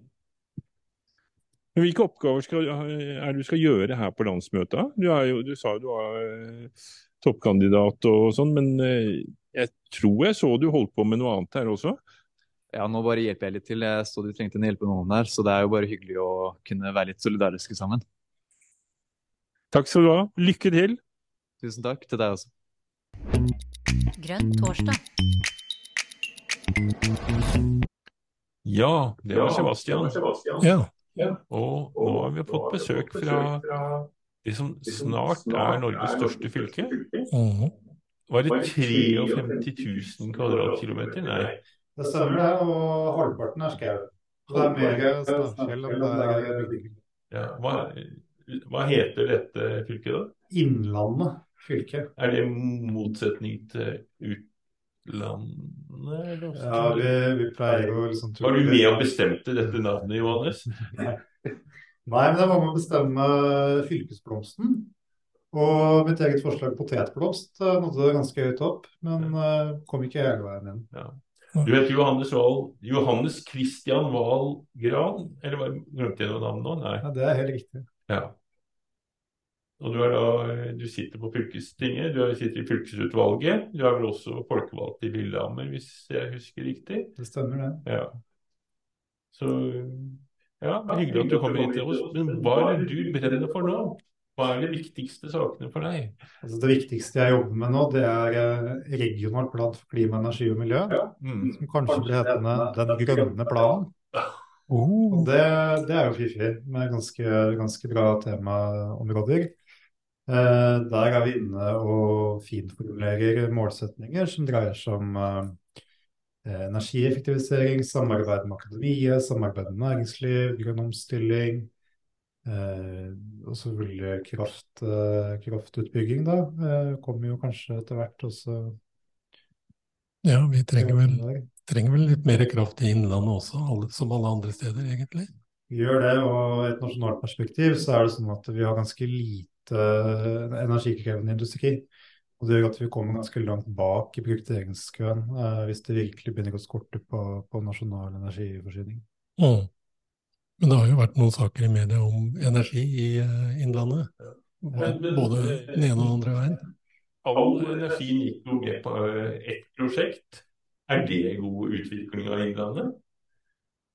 Det er ikke god utvikling at uh, Jeg sikter til Heggvin? Ja. Ja, det er ikke god utvikling at uh, underholdningstjenester uh, skal på en måte legge beslag på alles energi, eh, når eh, alle har et veldig stort energibehov.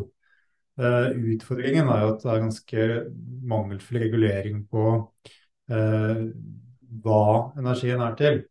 Eh, og det å liksom skulle skille mellom f.eks. helsejournaler og eh, TikTok, da, som, er konkret nå eh, på Heggvin. Det er jo noe som logisk sett eh, høres veldig enkelt ut, men, eh, men i praksis så er det rett og slett umulig med det lovverket vi har nå. For nå er det mer sånn første mølla får strøm.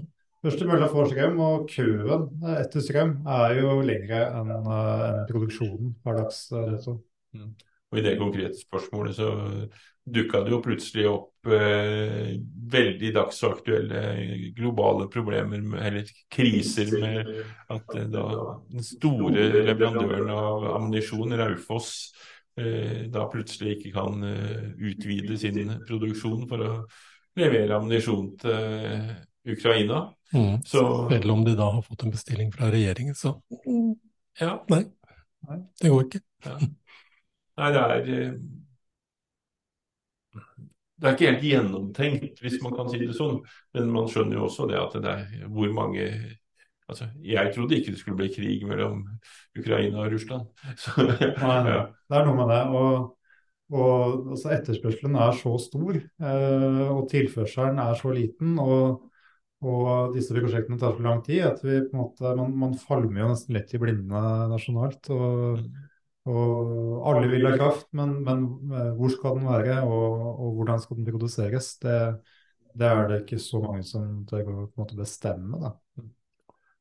Men det å sitte på fylkestinget for et lite, rart parti eh, Nå er vi jo eh, Hvis jeg husker riktig, så er det tre representanter inne i dag. Og det er jo partier der som også er mindre. Men eh, det å komme i, i dialog med å få gjennomført ting og sånn, er det en er det en enkel jobb, eller åssen funker, funker det? Får, MDG gjennomslag i Innlandet fylke?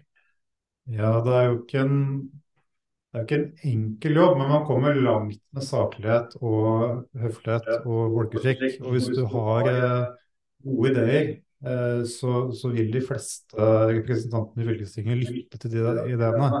Hvis du har gode ideer som eh, kanskje ikke åpner flertall ved en eh, avstemning, så er det allikevel sånn at eh, administrasjonen står jo fritt til å selv foreslå eh, gode ideer på et senere tidspunkt. Så, så alle disse debattene i fylkestinget i Innlandet oppleves veldig konstruktive. Eh, skillelinjene i de aller, aller fleste sakene oppleves som ganske eh, små. Det er selvfølgelig noen ideologiske forskjeller. Men f.eks. høringssvaret til, til nå er jo åtte av ti partier som stiller seg bak. Så vi har jo ganske store, breie forlik i, i de virkelig viktige spørsmålene. Da er det Rødt og Frp som ikke er blant de åtte. Det stemmer det. ja. Det typiske partier som, som da heller vil snakke om sin egen ideologi enn å faktisk finne felles løsninger til det beste for samfunnet. Mm. Interessant. Det, det får velg velgerne ta til seg. Det var det, da. Men eh, for mange så er det jo veldig kjekt og mest trivelig på utsiden å være i opposisjon hele tiden, for det, da kan man jo bare stå på krava, for å bruke et eh, gammelt begrep, og uten å tenke på konsekvensene, egentlig. Det er riktig. Og så er det jo mye arbeid som foregår i det vi kaller for eh, politiske referansegrupper. Eh, Hvor man sitter veldig tett med administrasjonen for å på en måte representere et slags flertall, sammensatt flertall eh, av fylkestinget. Og der er det en typisk eh, koalisjon, f.eks. Arbeiderpartiet, Senterpartiet, Høyre og MDG. Og Da sitter vi i lange prosesser. Vi har gjort det med mobilitetsstrategien, vi har gjort det med internasjonal strategi, vi har gjort det med regionale planer, og vi gjør det nå med hovedrevisjon av innlandsstrategien da, for neste valgperiode. Og for ikke så veldig Unnskyld. For ikke så veldig lenge siden så hadde vi også en litt stor sak hvor da MDG havna på vippen og egentlig avgjorde hvordan eh, ja, hva skal vi kalle det, eh, hvem som skal kjøre bussene i Innlandet. Det stemmer, ja. mye skryt for eh, det politiske håndverk, håndverket du gjorde, Johannes. Ja, vi har fått mye skryt fra bussnæringa andre partier og administrasjonen. og Det har vært eh, lokale partimedlemmer i andre partier som har sagt at de støtter oss i fylket. Disse, disse sakene konkret. og Vi ser jo særlig også at eh, NHO da, eh, virkelig applauderte den konklusjonen vi landet på. Eh, For igjen så er det jo ikke nødvendigvis ideologien, men på en måte de faktiske realpolitiske konsekvensene som er viktige for MDG. I dette tilfellet så er det jo billig buss, eh, hyppig buss, eh, miljøvennlig buss, eh, trygge busser, gode arbeidsforhold osv. Uavhengig av hvem som sitter med arbeidskontrakten. Vi hadde jo en annen sak vi var på vippen i også, Anders. Ja, Jo, den var litt mer kontroversiell, kanskje. Ja, det, det var jo litt uro også på den siste her, men eh, på den første så var det vel Du sikter til eh, avstemningen om eh, folkeavstemningen, ja. Ja, om ja. den rådgivende høringen blant befolkningen. Hvor lite med Harkorten deltok. i det som var en historisk god rettelegging egentlig av, av den type spørsmål. Og det var mye bruk av digitale verktøy, og det var selvfølgelig mange som falt utenom. Eh, og vi ser at det er de sentrale folkesterke kommunene, særlig i Mjøsområdet, som, som føler liksom viktigheten, betydningen av en stor, sterk fylkeskommune. Mens distriktskommunene på begge sider av Mjøsa, nord, og sør, eh, føler seg på en måte litt eh, Føler at fylkeskommunen er litt lite til stede. Eh, og det er jo signaler og, og, og, og meninger og erfaringer som fylkeskommunen da kan ha med seg videre. Mm. Eh, så når vi f.eks. nå har disse høringsseminarene med skolestruktur og, og regionalt planarbeid og revisjon av endelig strategi osv., så, så prioriterer vi å legge de til Nord-Gudbrandsdalen, til eh, helt sør i, i Vest gamle Vest-Oppland, Mm. eh, i Sør-Odal og fjellregionen osv. Mm. Så da er det en Da har man hatt en diskusjon knytta til hvor disse eh, De tilbakemeldingene man egentlig da fikk knytta til den der eh, den, den folkeavstemninga. Nå bruker jeg det begrepet. Det, Ja. altså, Jo, Johannes jo. velger å ikke bruke det, for, men det var, på folkelig sett så var dette en folkeavstemning. Mm. Og så var det jo eh, ingen tvil i bestillingen at dette var en rådgivende, og det, det er ifølge loven også. Altså, man kan ikke gjøre noe annet. Så det ble litt sånn oppmerksomhet, men sånn er det. Mm. Så det ble det. Så var det jo nyttig å få de her innspillene, da. Eh, og ikke minst så brukte vi jo eh, en ganske stor sum bare på å egentlig formidle fylkeskommunale tjenester til hele befolkningen. Og det er jo produkter som ligger der også for ettertida. Så de ligger jo fortsatt på forsida til, eh, til fylkeskommunen. Hva fylkeskommunen driver med. Og det er jo et, eh, et barn da, av den folkeavstemningen. Ja. Ja, så I tillegg til at vi fikk beholde Innlandet som en hel, helt fylke, så har det fått utvida hva skal vi kalle det, informasjonsarbeid, og, og kanskje til dels også tjenesteleveringen. Absolutt. Kommunikasjonsavdelingen som var ganske, ganske skjørt etter den eh, prosessen, var eh, litt fornøyd også med at de fikk uh, formidle oppgavene våre såpass godt. Mm. Ja, men takk, Johannes. Lykke til eh, med valget. Du er vel da ikke toppkandidat i Lillehammer denne gangen, tror jeg? Nei, det er jeg fjerdekandidat. Ja, og så er du, du er toppkandidat på fylket, så satser vi på at gruppa blir enda større denne gangen. Det gjør vi. Mm. Lykke til. Takk. Da skal vi høre litt igjen på Svein Hammer, som du har snakka med, Anders. Ja, han var innom her for å fortelle litt om Grønt Hemnes, et listesamarbeid i Hemnes kommune. Mm. Da har jeg fått besøk i studio av Svein Hammer. Svein, kan du fortelle litt om deg sjøl, og hvorfor i all verden du eh, har valgt å komme på liste og sånt nå? Eh, jeg er en eh, samfunnsengasjert samfunnsforsker eh, som har forska på norsk politikk, skrevet om sosialdemokratiet og nyliberalismen i Norge. Eh, så det er jo, det er jo det, en sånn faglig bakgrunn jeg har. Og så, eh, og så har jeg hatt et grønt engasjement hele mitt liv, som gjorde at jeg meldte meg inn i Miljøpartiet De Grønne i 2012. Var med aktivt i to år, satt i landsstyret og var med og fikk oss på Stortinget. Og så har jeg tatt en lang pause fra partipolitikken fram til eh, det siste året omtrent. Da har jeg begynt å orientere meg tilbake igjen. Eh, og her må jeg jo nevne at jeg har jobba med boka mi 'Grønt manifest', fordi det var en direkte sammenheng der. Jeg eh, skrev boka som er en visjon om hvordan man kan realisere grønn samfunnsutvikling. Eh, og jeg begynte å kjenne på en lyst til å ikke bare skrive ei bok, men å forsøke å realisere visjonen min i min egen kommune. Som jeg har flytta tilbake til. Etter 32 år i Trondheim jeg flytta tilbake til Hemnes. Så da var det litt spennende å forsøke å realisere det i min eget eh, lokalmiljø. Mm. Og Hemnes kommune, det har vi jo, som alle kanskje ikke alle, men jeg vet det ligger da i Nordland. Ja. Eh, Og hvor stor er kommunen omtrent, med antall innbyggere? Eh, Det er 4500, tror jeg. Det har gått litt, litt nedover eh, med årene, men 4500 ligger i, altså har Mo i Rana, Sandnessjøen, Mosjøen rundt seg. Mm. Så ganske stor geografisk. Nord-Norges høyeste fjell, Oks-skolten i Okstinnan, eh, er i kommunen min. Mm.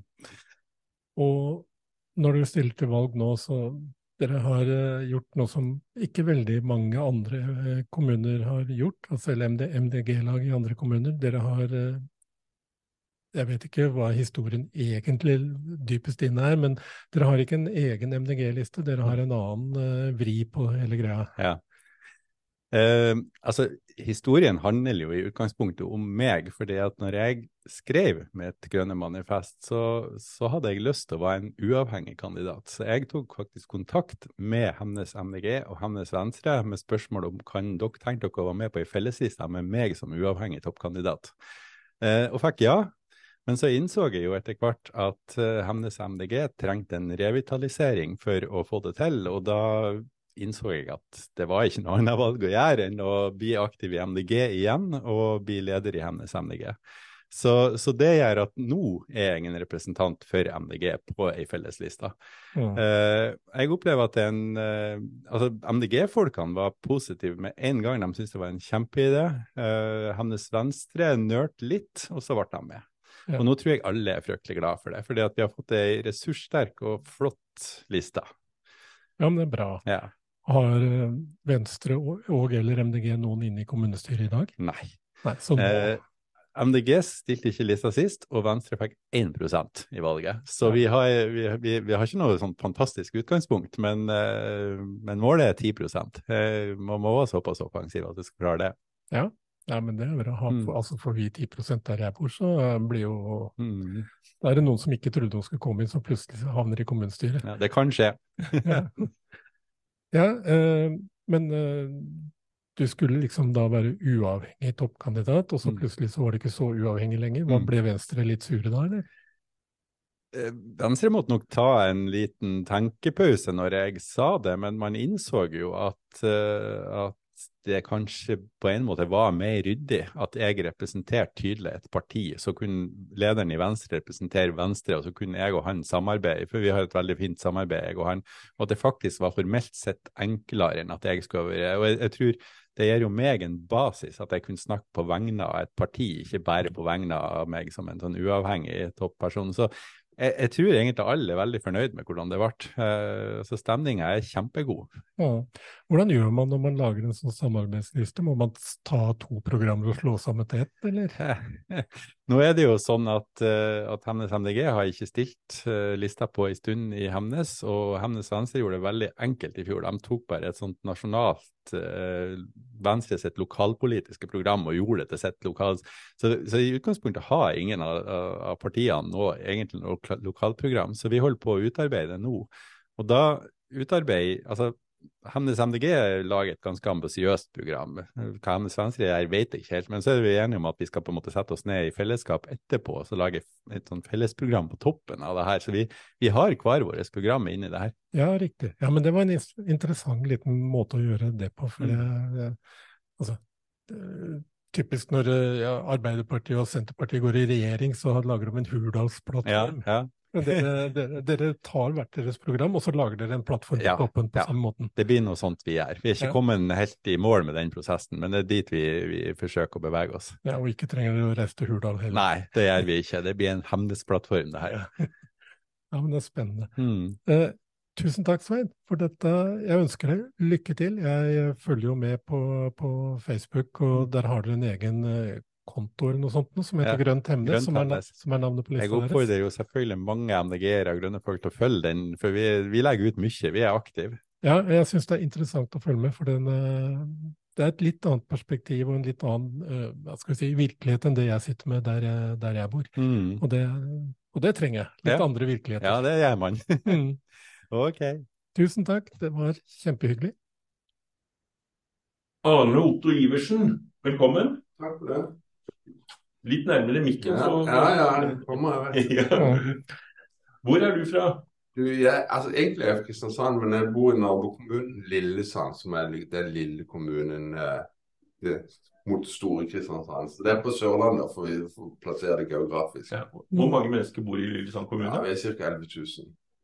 Det er jo ikke noen liten kommune i norsk sammenheng. Nei, men eh, i forhold til storebror, som er ti ganger så stor, eh, øst, i fylket, er vi liten.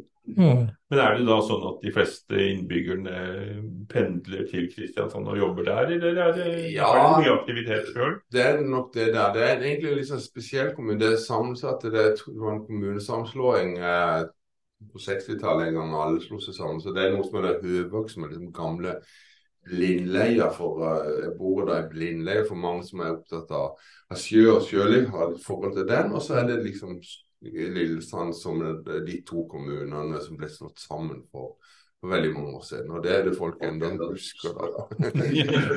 Jo, jo. Jeg, har også vokst opp i en sånn kommune hvor folk husker Ja, hvordan det var. andre blir stemte for da. ikke Mm. sant? det ble sånn, det er sikkert like greit. Ja. Ja, det er jo et eller annet med Kristiansand og noe sammenslåing nå, men det har, det har ikke Nei, har det, noe med, noe med å gjøre. det, det, er, det er vest for byen, og den problematikken trenger ikke vi forholde oss til heldigvis. Nei. Ja. Mm. Men hvilke saker er det som eh, er viktige i, i Lillesand, da? Altså, det er jo det når man kommer inn i, i politikken i en kommune, så handler det om helsestasjoner, det handler om skole, sentrumsstruktur, om å få gågate. Det er noe vi har brenner for i Lillesand. Ta vare på den gode liksom eh, seilskutetradisjonen, da. Altså få et flott eh, Det er jo et levende, pulserende sentrum om sommeren, og da har vi gågate. Men så sier vi kan vi ikke ha det hele året, liksom? Med skikkelig god brosteinbelegging i stedet for den asfalten. Og det sakte, men sikkert så begynner det å sikke inn. og for mindre parkering, for, for liksom, til og med avgiftsparkering har vært drøfta i Lillesand. og det, det er litt nytt i en liten kommune, men det er sånne ting som vi er opptatt av. Men Lillesand er vel da den type by som bare har hvite hus? Ja, det har vi nok. Ja da, absolutt. Men det som er problemet, utfordringen med Sogn, det er jo det at vi har det veldig vinterstille. altså vi kan si Sommerturistene det skal, jo- og det, det, det skal vi være glad for at vi har sommerturister. Det er mange butikker, nærbutikker sånn, som ikke hadde overlevd uten den omsetningen hatt to måneder om sommeren. Men utfordringen er jo det at det kan være ofte mørkt i vinduene noen steder. Vi Mm. har ikke boplikt på øyene. Vi har ikke boplikt i, i eh, deler av blindleia. Som, som, så det, det er en utfordring. Men samtidig så sparer han kommunal skyss. Altså vi, hatt, vi har få øyer som er bebodd, men i og med ikke det er boplikt, så slipper han også å tilby offentlig transport. Og det sparer kommunen på. En fattig kommune må spare det han kan. Mm. Men kunden, er det sånn at det er diskutert bo, mer boplikt? Ja, altså dette, dette er en Høyre-styrt kommune, og det har eh, vi hatt boplikt tidligere.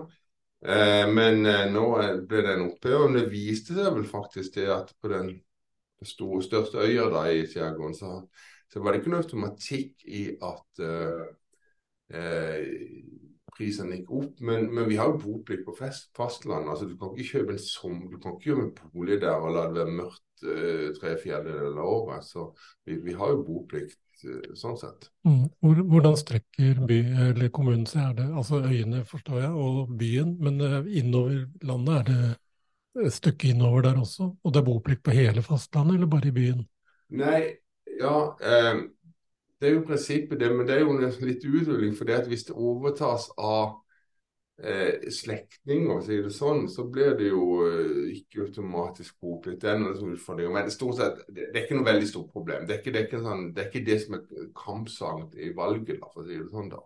Nei, så det er ikke noe det er ikke der den store politiske Nei, nei, diskusjonen står? vi er, vi er vekstkommunen. Vi, er sånn sett, eh, vi, vi, vi har solid vekst i eller solid og solid, men vi har i hvert fall en viss vekst i innbyggertallet, og det er vi fornøyd med. Og da har vi, opplever vi at det er, det er stor interesse for nye boligfelt også. så det vi, For mange småkommuner er jo det med fraflytting et problem, men det er ikke et problem hos oss. Men eh, er det noe industri Ja, gjett om vi har. Så vi har Vivelsen er det. Det er en så stor eh, industribedrift som der er det en del utfordringer med, med forurensning. De jobber med det da det er utslitt til luft og det går det, det ting. Så det er en uh, tung materie å gå inn i. Men uh, Miljødirektoratet stiller vi strenge krav, og vi er veldig oppmerksom på um, på dette. Det som er litt problematikk hos oss, det er jeg tror nesten kan det er eneste kommune i Norge, det er at vi har eh, sulfidholdig, altså sulfidproblematikk, gneisholdig eh, Når vi sprenger i en del av områder, industriområder eller sånne ting, så utløses det sulfid som igjen fører til fiskedød. Så det er en helt sånn natur Eh, en helt spesiell konstellasjon i fjellet da, som gjør at vi har veldig mange utfordringer. Og Den problematikken den er liksom syrlig gneist det på fagspråket. Og Det er en sånn problematikk som omsider har begynt å sigge inn. Så nå tar vi grep. da, og Det er liksom tverrpolitisk enige å gjøre noe med det, men det, det er en del utfordringer knyttet til det. Mm. Så, Men hvor, hvor, stor er den arbeidsplassen da? Er det, er det sånn? Ja, Fiven, ja, det er noen eh, Ja, det er en solid, det er en solid arbeidsplass som har eh, flere hundre ansatte. Så det er en hjørnesteinsbedrift på, Mm. på en måte. Men eh, samtidig har vi selvfølgelig landindustri også. Vi har eh, variert næringsliv. Så vi er Det er ikke bare turisme, eller den, den der sommerturismen som Nei, altså det er liksom et lite pluss for eh, den perioden det gjelder, men uh, uh, men vi lever ikke turisme. Men som jeg sier, så er en liten bygd som jeg bor i Høvåg, som det heter, som er i tidligere egen kommune, der er det Der vet vi at eh, det blir eh, omsetningsøkning på nærbutikk. Men det som sier, det er hyggelig når de kommer, og trivelig når de drar. De. Så det var helt greit. Mm. Eh, det er jo litt forskjellig Altså, um, du hadde, du hadde en egen eh, politisk gruppe i kommunestyret, den vanlige MDG-gruppa med én person, ikke sant? Ja, det er gruppeleder, som man sier. Det høres fint ut, men er alene. Ja. Men vi sier jo til kommunestyret, det er, for å skryte litt av kommunestyret, så er det veldig hyggelige mennesker. Det er det som gjør det trivelig å være der. Du er politisk uenig, og klart at vi er ofte i mindretall og sånne ting, vi er i opposisjon, men, men, men du kan likevel ha et sånn personlig godt forhold, og så går vi til kaffepausen, og så prater vi om smått og stort, og har ikke noe sånn personlig agenda. Da. Det er veldig betryggende, for den hører jo om kommunestyret hvor det Det er krig. Ja, Rett og slett. eh, det var du som sa det òg, men det er jo faktisk det, det fins det. Altså det, det, det gjør det jo trivelig. Og det gjør vel kanskje også at jeg er innstilt på en ny periode, da, hvis, hvis velgerne vil ha meg, som det heter i all beskjedenhet. Men, eh, men, men, men eh, det, det Jeg håper at jeg får Men jeg håper aller mest at det kan være doble grupper. Det kan bli to. Det hadde vært en veldig fordel for FDG. Hvor stor er sjansen for det? At det blir flere? Hvor stor er sjansen for at det blir flere i Nei, kommisjonen? vi mangler noen stemmer, men nå er det samtidig sånn at når den i år stiller f.eks. partiet Rødt stiller liste for første gang, så det vil alltid være lokal lekkasje til andre. Så det er vanskelig å si, men noen en 100 stemmer til, så, så er vi der. Vi, vi hadde 6-7 6,5 av stemmene ved siste valg. Så vi må vel eh, opp i 7-8 for å få nummer to. Mm. Ja, det er jo Det det er- et stykke. Det er et stykke arbeid, men det her lar seg Jo, men det er ikke så mange, altså. Jo da, nei, men nå får vi ta ett en gang. Vi har i hvert fall ambisjoner hver to. Ja.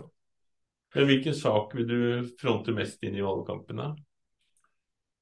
Ja, altså det som er sånn Det som jeg har jobba i, i miljøbevegelsen i flere år også, eh, og det som på en måte er erfarer, det er det som Cicero har funnet ut i en, i en forskningsrapport, at skal folk få en nærhet til klimautfordringene, så må du ha nærhet til løsningene.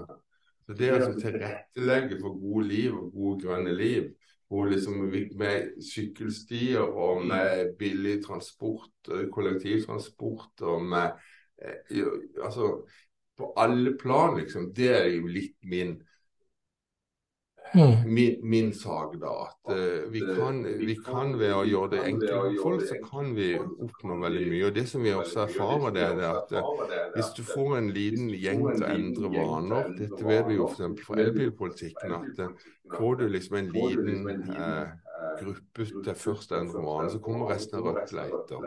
Og det fører igjen til samfunnsendring. For det at vi får eh, For politikerne de vil ha trygghet. Og hvis de ser at det er noen foregangsfigurer, og det kanskje er MDGs jobb å være innovatøren der, og for noen foregangsfigurer viser faktisk det er mulig å leve gode, grønne liv, så eh, tror vi vil også bli lettere å få eh, få til en grønn politikk. Da.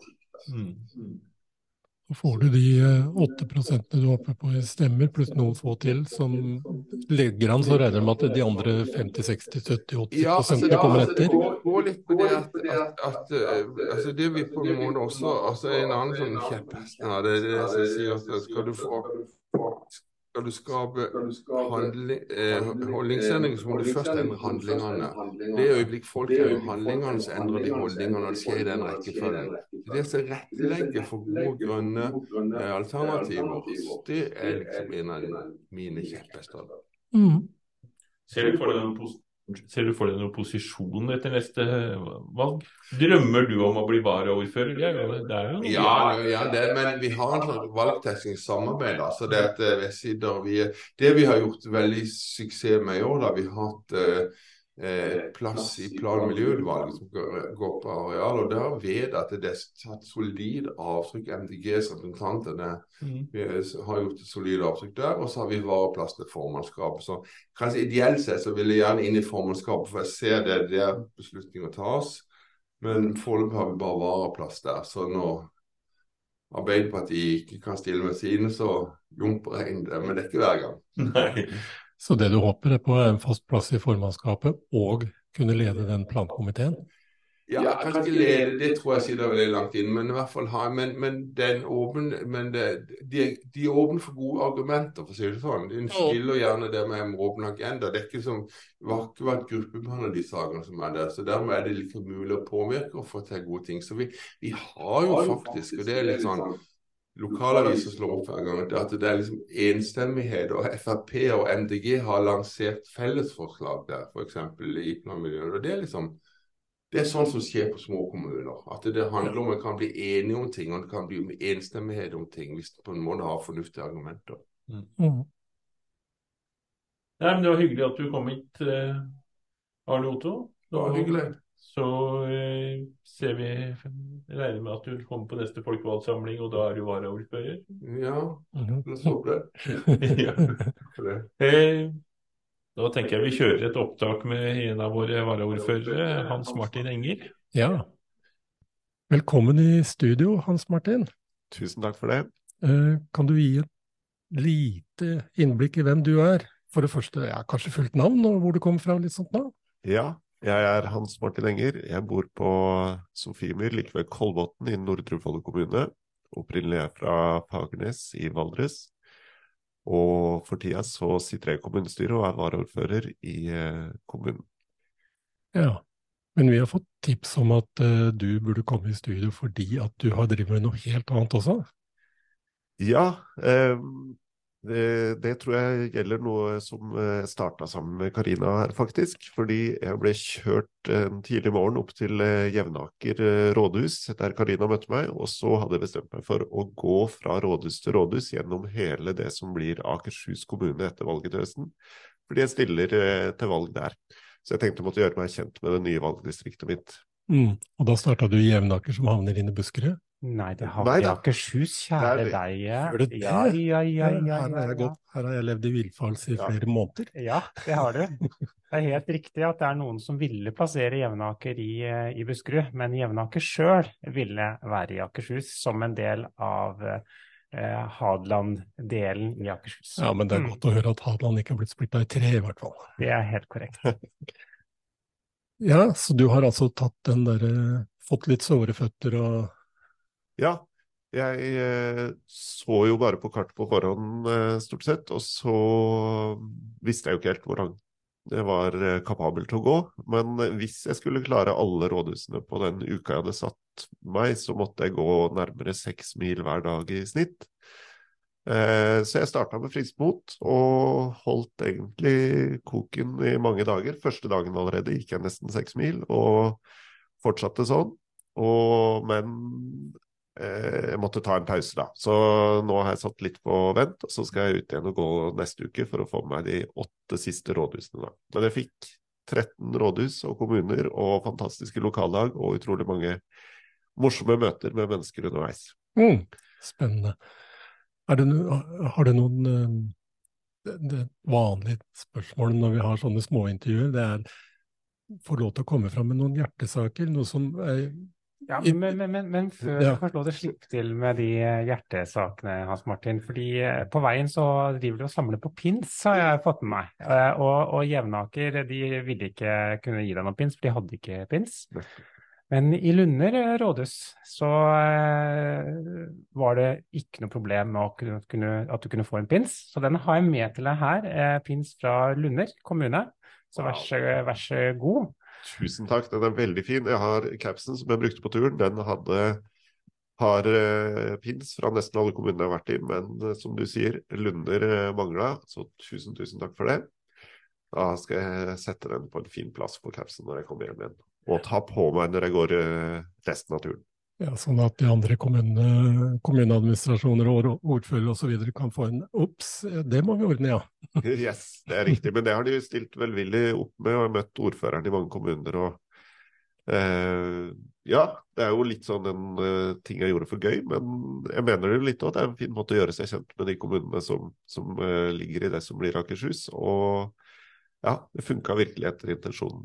Hvordan, hvordan er føttene dine, dine nå, Hans Martin? Du, det er utrolig hvor fort eh, naturen reparerer seg selv når den får eh, litt ro og fred fra menneskelig påvirkning. Så etter noen dager med beina høyt og ikke like mye eh, plaging, så er de på god vei til å bli eh, fit for fight igjen. Så, så, så eh, rewilding og restaurering funker? Det, det er helt sikkert. Ja. Men eh, ja, du skal kanskje ikke anbefale alle å slite ut eh, beina på den måten. Jeg hadde ikke klart det, for å si det sånn. Men nå er jeg nå litt eldre, da. Så jeg har en unnskyldning. eh, det som jeg vil anbefale alle, er å gjøre ting de har lyst til, og som de syns er litt gøy, selv om det er litt rart. Så ja. ja, men det er en god, eh, god oppmuntring. Den, den støtter helt.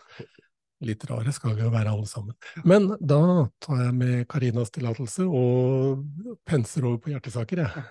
Ja, det er jo veldig mange opptatt av uh, alt, syns jeg, når jeg kommer bort til sakene som kommer til behandling. Men jeg må nok si at det jeg har jobba mest med og for, og som jeg finner uh, som på en måte noe av det viktigste vi kan gjøre, det er å forvalte arealene våre på en annen måte, og forvalte naturen på en annen måte. Så det har vi jobba veldig mye med i lokallaget vårt, som har endt opp i en eh, nylig vedtatt kommuneplan i Nordre Follo, som innebærer at vi skal og har slutta med å bygge ned natur, og tar ut eh, alt av framtidige utbyggingsområder i natur, og konsentrerer all framtidig utbygging gjennom transformasjon av eh, allerede, grå arealer. Og det arbeidet har vært eh, sentralt egentlig både forrige og denne perioden, og kulminert litt nå.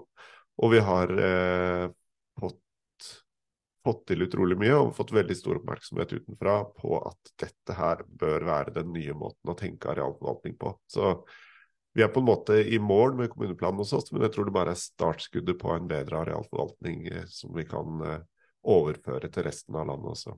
Mm. Det er spennende. Vi som sitter rundt i andre kommuner her og der, vi, jo, vi følger med på alle sånne, prøver i hvert fall da, å følge med på alle sånne og hente gode tips fra andre kommuner. er Veldig, er, da er det veldig greit å ha et stort nasjonalt parti som er i stand til å dele ut de gode tipsene. Helt klart. Jeg eh, er jo imponert, jeg, Hans Martin, over eh, ditt engasjement for eh, Akershus og din vilje til å kjempe for en plass for å komme inn i fylkestinget Akershus. Så jeg håper jo virkelig at vi gjør et så godt valg at du får en fast plass. Har du noen formening om hvor mange prosent du må opp i i Akershus for å havne der? Eh, jeg syns vi skal ha en ambisjon om eh, 10 Ja. eh, Min femteplass eh, er vel avhengig av omtrent noe sånt noe, så, så det er bra. Eh, hvis vi klarer det. Ja. Så ja, jeg syns vi skal si 10 ja, Det er omtrent eh, Vi har som mål i, i Nordre Follo også å gjøre det like bra som sist, eller bedre, og det, der endte vi på 10,2 Så jeg syns vi skal ha det som ambisjon på Akershus-nivå også. Mm. Mm. Eh, Jeg krysser fingre, og eh, du får min stemme, og i hvert fall. Det kan jeg love deg her og nå. Tusen takk. Ja, jeg, har dessverre stemmerett i et helt annet fylke, så du får ikke min stemme, men, eh, men jeg skal stemme på en kollega. Og så lenge det går til partiet, så er jeg mer fornøyd. Greit. Tusen takk, Hans Martin, for at du hadde tid til å stikke innom oss. Ja, tusen takk for invitasjonen. Utrolig artig å få være en del av dette eh, programmet, som virkelig er en imponerende produksjon. Så tusen takk. Bare hyggelig. Og takk, ta godt vare på føttene dine, og vi gleder oss til å se deg vandre rundt omkring i Norges hele land etter hvert. Fordi du stopper nok ikke Akershus, kjenner jeg deg rett? Nei, nei vel. Nei, altså hvis du skal på Stortinget, så uh, say no more. Ja. Bra. Takk for utfordringen. Grønn torsdag.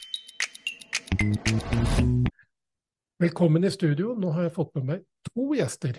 Vi dobler innsatsen i dag. Eh, kan dere få lov til å presentere dere sjøl? Jeg har fått med meg fornavnene, men, eh, men eh, ja.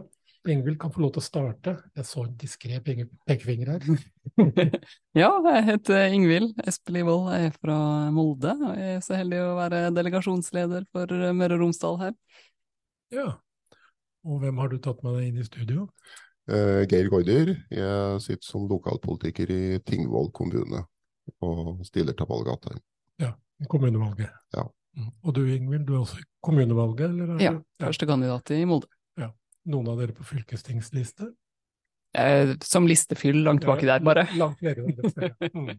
Vi har med oss uh, listetoppen vår. eh, De to listetoppene faktisk fra fylket er vel her akkurat nå. Ja, det er bra. Kanskje vi får en prat med dem etter hvert, vi vet ikke. Det, det er litt tilfeldig noen ganger hvem vi hanker inn. Men eh, hva slags forhåpninger Altså førsteplassen på, i Molde, det er vel en eh, såkalt sikker plass, det? Ja, det skal vel være rimelig saftig eh, valgnederlag hvis ikke vi kommer inn med én, iallfall. Vi har fem i dag. Ja. det, nå blir kommunestyret mindre neste, neste periode, men jeg håper nå vi kommer inn med mer enn én. Ja, ok. Så da blir du ordfører, eller? Ja, det var det, da. Lokalavisa vår har hatt det moro med å kjøre litt sånn eh, ordførerkandidater. og eh, Vi har ikke hatt en kvinnelig ordfører i Molde før, og eh, ja, så den er jo den er, det, det er artig, det. Det skal vel litt til. men eh, men nei, litt ambisjoner må man jo ha. Ja. Og du, Geir? Eh, Vi er to i uh, Tingvoll nå, i kommunestyret. Men eh, jeg regner med at vi må være fornøyd skal vi klare å beholde én. For eh, det er to ting der. Det ene er at eh, vi skjærer ned fra 25 til 21 representanter i kommunestyret. Og vi lå på vippen med å komme inn sist, med to. Og så Det andre er at eh, helt på tampen så stilte SV liste, det gjorde vi ikke tidligere. Og da kommer vi opplagt til å miste noen stemmer der, så Ja. jeg frykter at jeg blir det eneste i Frem DG nå i neste runde. At det er der vi kan håpe på, dessverre. Så du har, dere har en, ja, du har en hardere jobb enn Ingvild for å få inn med en kollega? Ja, den virker nesten utopisk i en slik småkommune som eh, jeg er i, der eh, det er mye tradisjonsbønder i stemming. Hvor mange innbyggere er det i Tingvoll? 3000 omtrent. Ja. Og i Molde er det noen flere? 30 000. Ja. ja ja, men tigangen er jo ikke så ille. Ehm, da dere stilte på lister og, og Eller ble med i politikken første gangen, eller nå har vært med en stund, så har det liksom utvikla seg til at man blir, ja, hva skal vi kalle det, spesialist. Jeg drar fram anførselstegnet i, i full monn her, men eh, får noen hjertesaker, da, som vi også kaller det. Ehm, er det noe du har ehm, brenner for mer enn annet. For å si, altså, jeg har advart alle andre som har vært i denne, eller nesten alle, at det er lett å si klima og miljø når man kommer fra MDG, men jeg vil ha ett svar til. Skal jeg starte? Ja. Ja, nei, altså det er jo miljø. Jeg er eh, Hele livet mitt går på det med naturmangfold. Har gjort og gjør. Så det er jo der jeg har eh, kompetansen og interesser, og, og jeg virkelig jobber på. Mm. Så det er klart det blir eh, Det er der jeg føler jeg kan bidra mest. Ikke bare innad i MDG, men i politikken lokalt og eventuelt nasjonalt. Uh, Og nå skal vi ha ny uh, rullering av kommuneplans arealdel, og det må nok bli hovedsaken min nå i neste runde. Mm. Så det er, eh, det er der jeg brennsterkest. Men hvis du vil ha en ting til, så Gjerne. oppdager jeg det at jeg, jeg har sansen for samarbeid og gode arbeidsklimaer. Og det jeg virkelig håper Vi har hatt, eh, ganske, vi har hatt en bra ordfører i Tingvoll, syns jeg, fra Senterpartiet.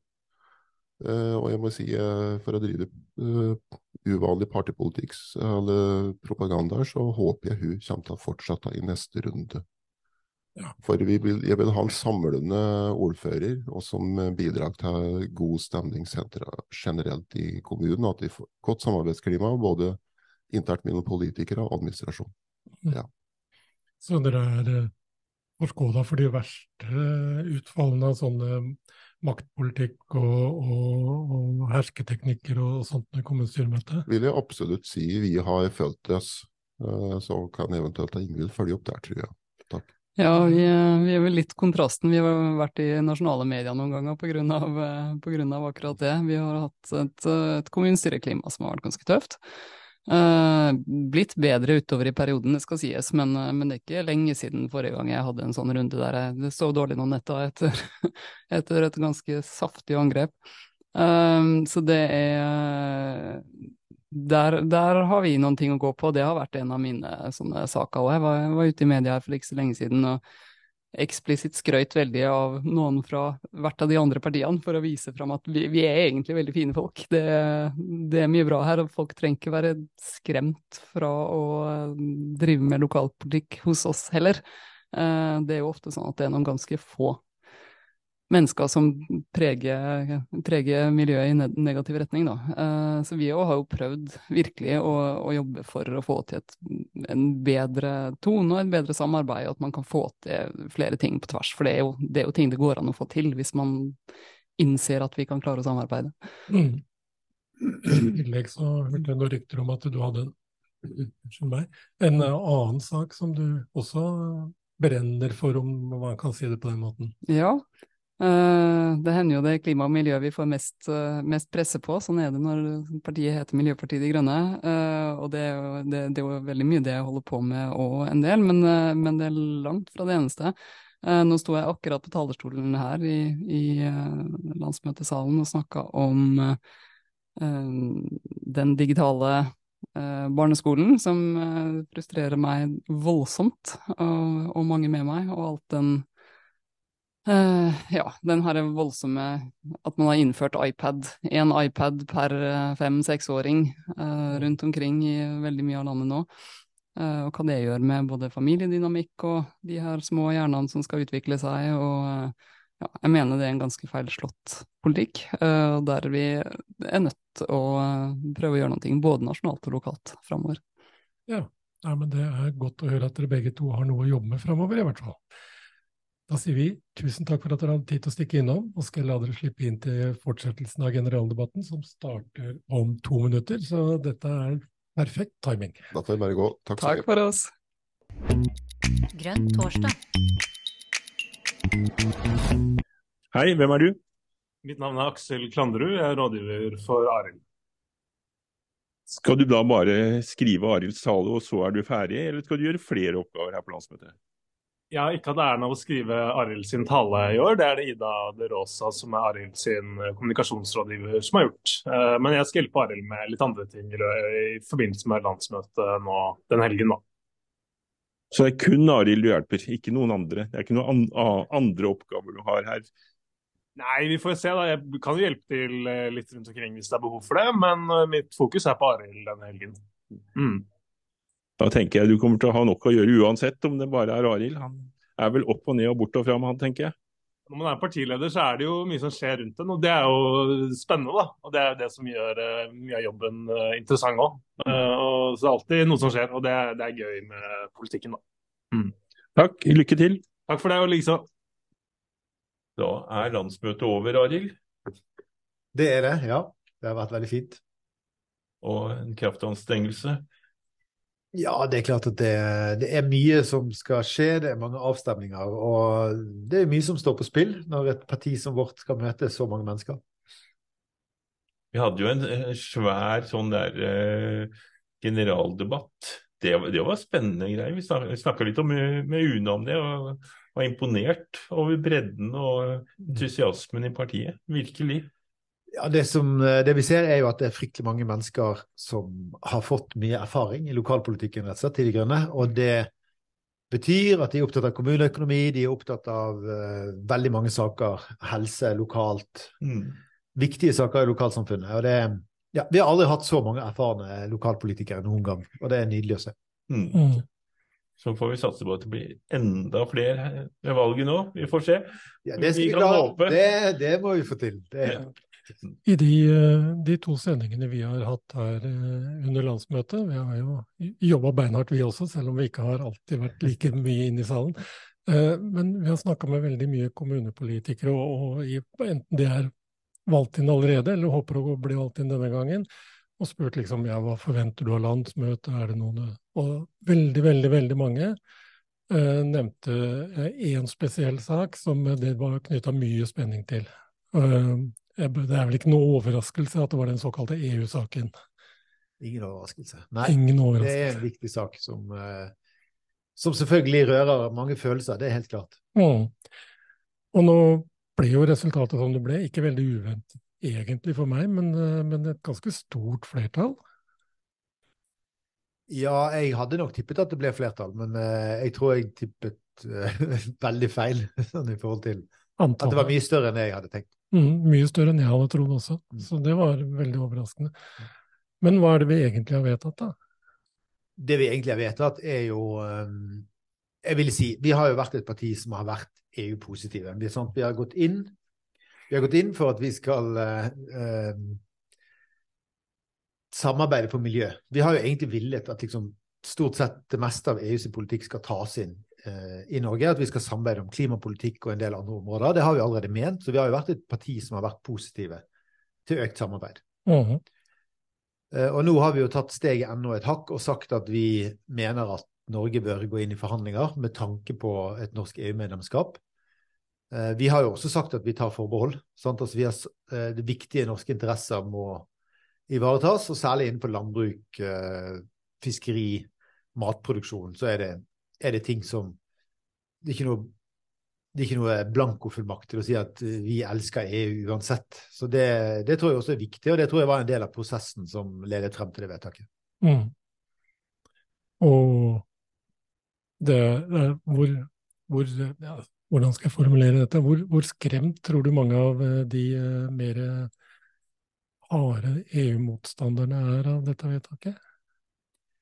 Altså, det som jeg syns har vært veldig fint, er jo at vi har hatt eh, en ganske stor kunnskapsoppbygging. Og vi er jo et sånt parti som Jeg ler litt av det av og til, men liksom Det er ikke så mange partier som er sånn 'Å, det har kommet en ny rapport'. Det er spennende, liksom. Men det er jo typisk MDG, og vi er jo veldig kunnskapssøkende hele tiden. Og det har jo også vært den prosessen har jo vært veldig sånn OK, vi får en ekspert på forsvar, en på sikkerhet, vi får en ekspert på landbruksproduksjon osv. Som, som kan EU versus Norge. Og det, det tror jeg jo flere partier burde gjort, da. Å liksom oppdatere seg. For det, det er jo mye som har skjedd siden 1994, både med EU og med Norge. Så det Jeg, ja, jeg tror jo at mange av uh, de som er veldig harde og tenker at EU ikke er rett for Norge, de bør òg finne sin plass i MDG, fordi det er plass til alle, eh, uansett hva man mener. Jeg tror det vi, eh, sant, det vi er opptatt av, er det som vi vedtok i helgen, nemlig prinsipprogrammet. At vi deler de prinsippene som vi står for.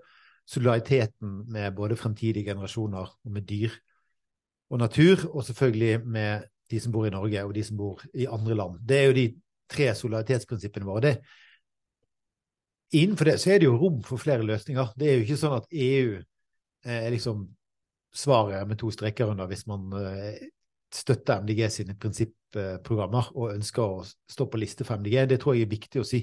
Mm.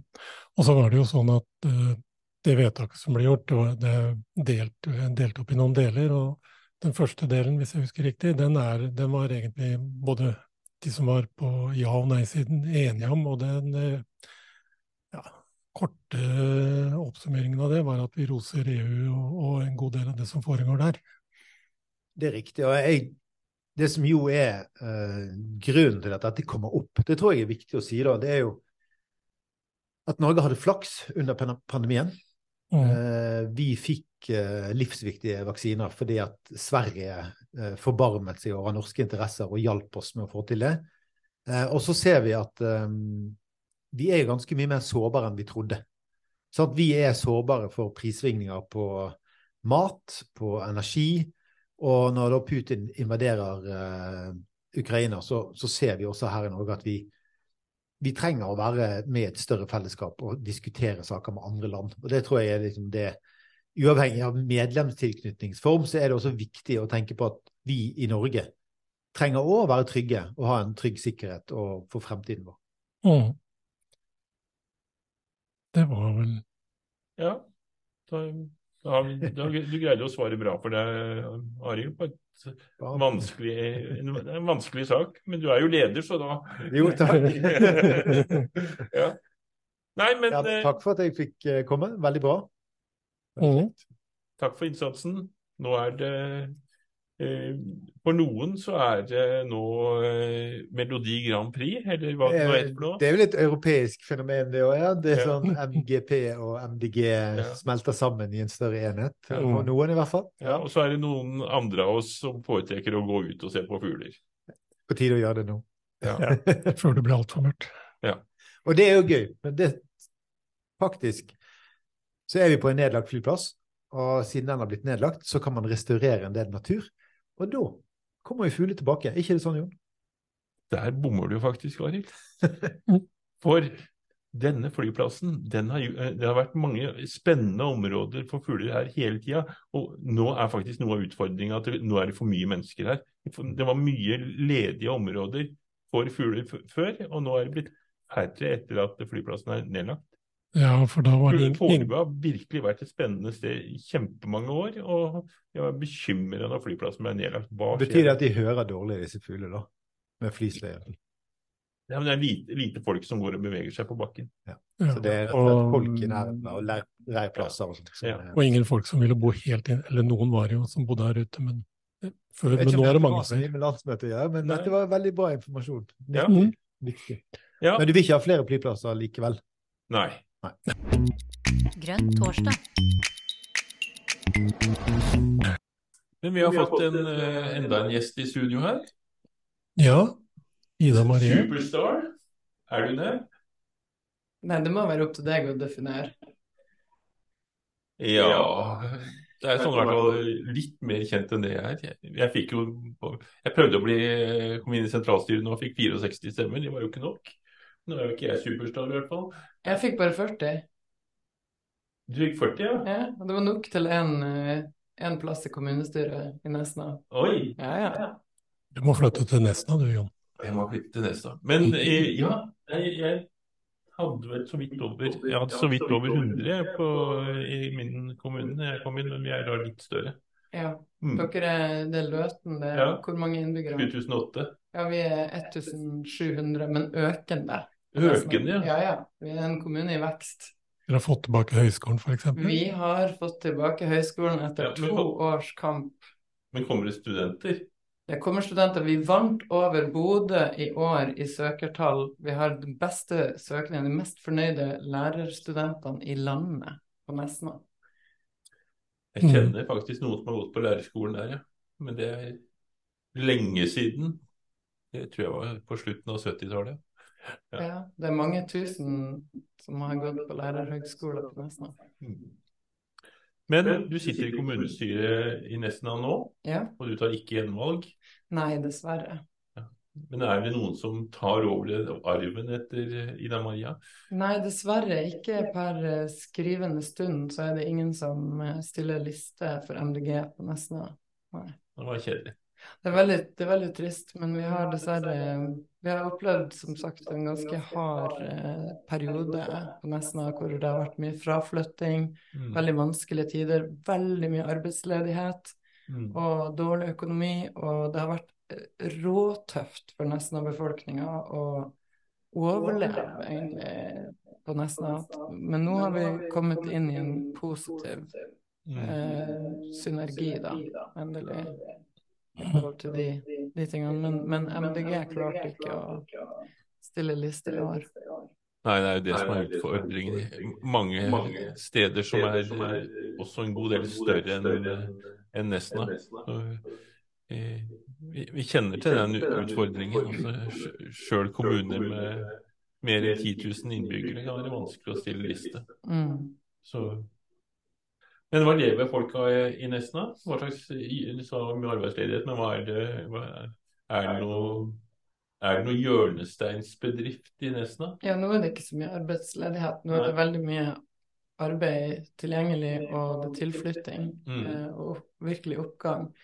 Eh, nei, det hjørnesteinsbedriften har vært og er fortsatt lærerhøgskoler, altså Nord universitet avdeling Nesna, som utdanner lærerstudenter. Mm. Og nå går over til flere Mm. yrkesfaglige retninger, da. Bygge ut studietilbudet. Ja. Til uh, de som følger med, da. Det var noen som banka på døra her, så vi måtte ut og. Sende Jon ut og sjekke. Ja. Men, eh, men eh, vi er fremdeles to i studio, så vi kan holde samtalen gående. Ja. Eh, da jeg traff deg før i dag, så nå har vi snakka litt om hjørnesteinsbedriften, som er da skolen, eller høyskolen.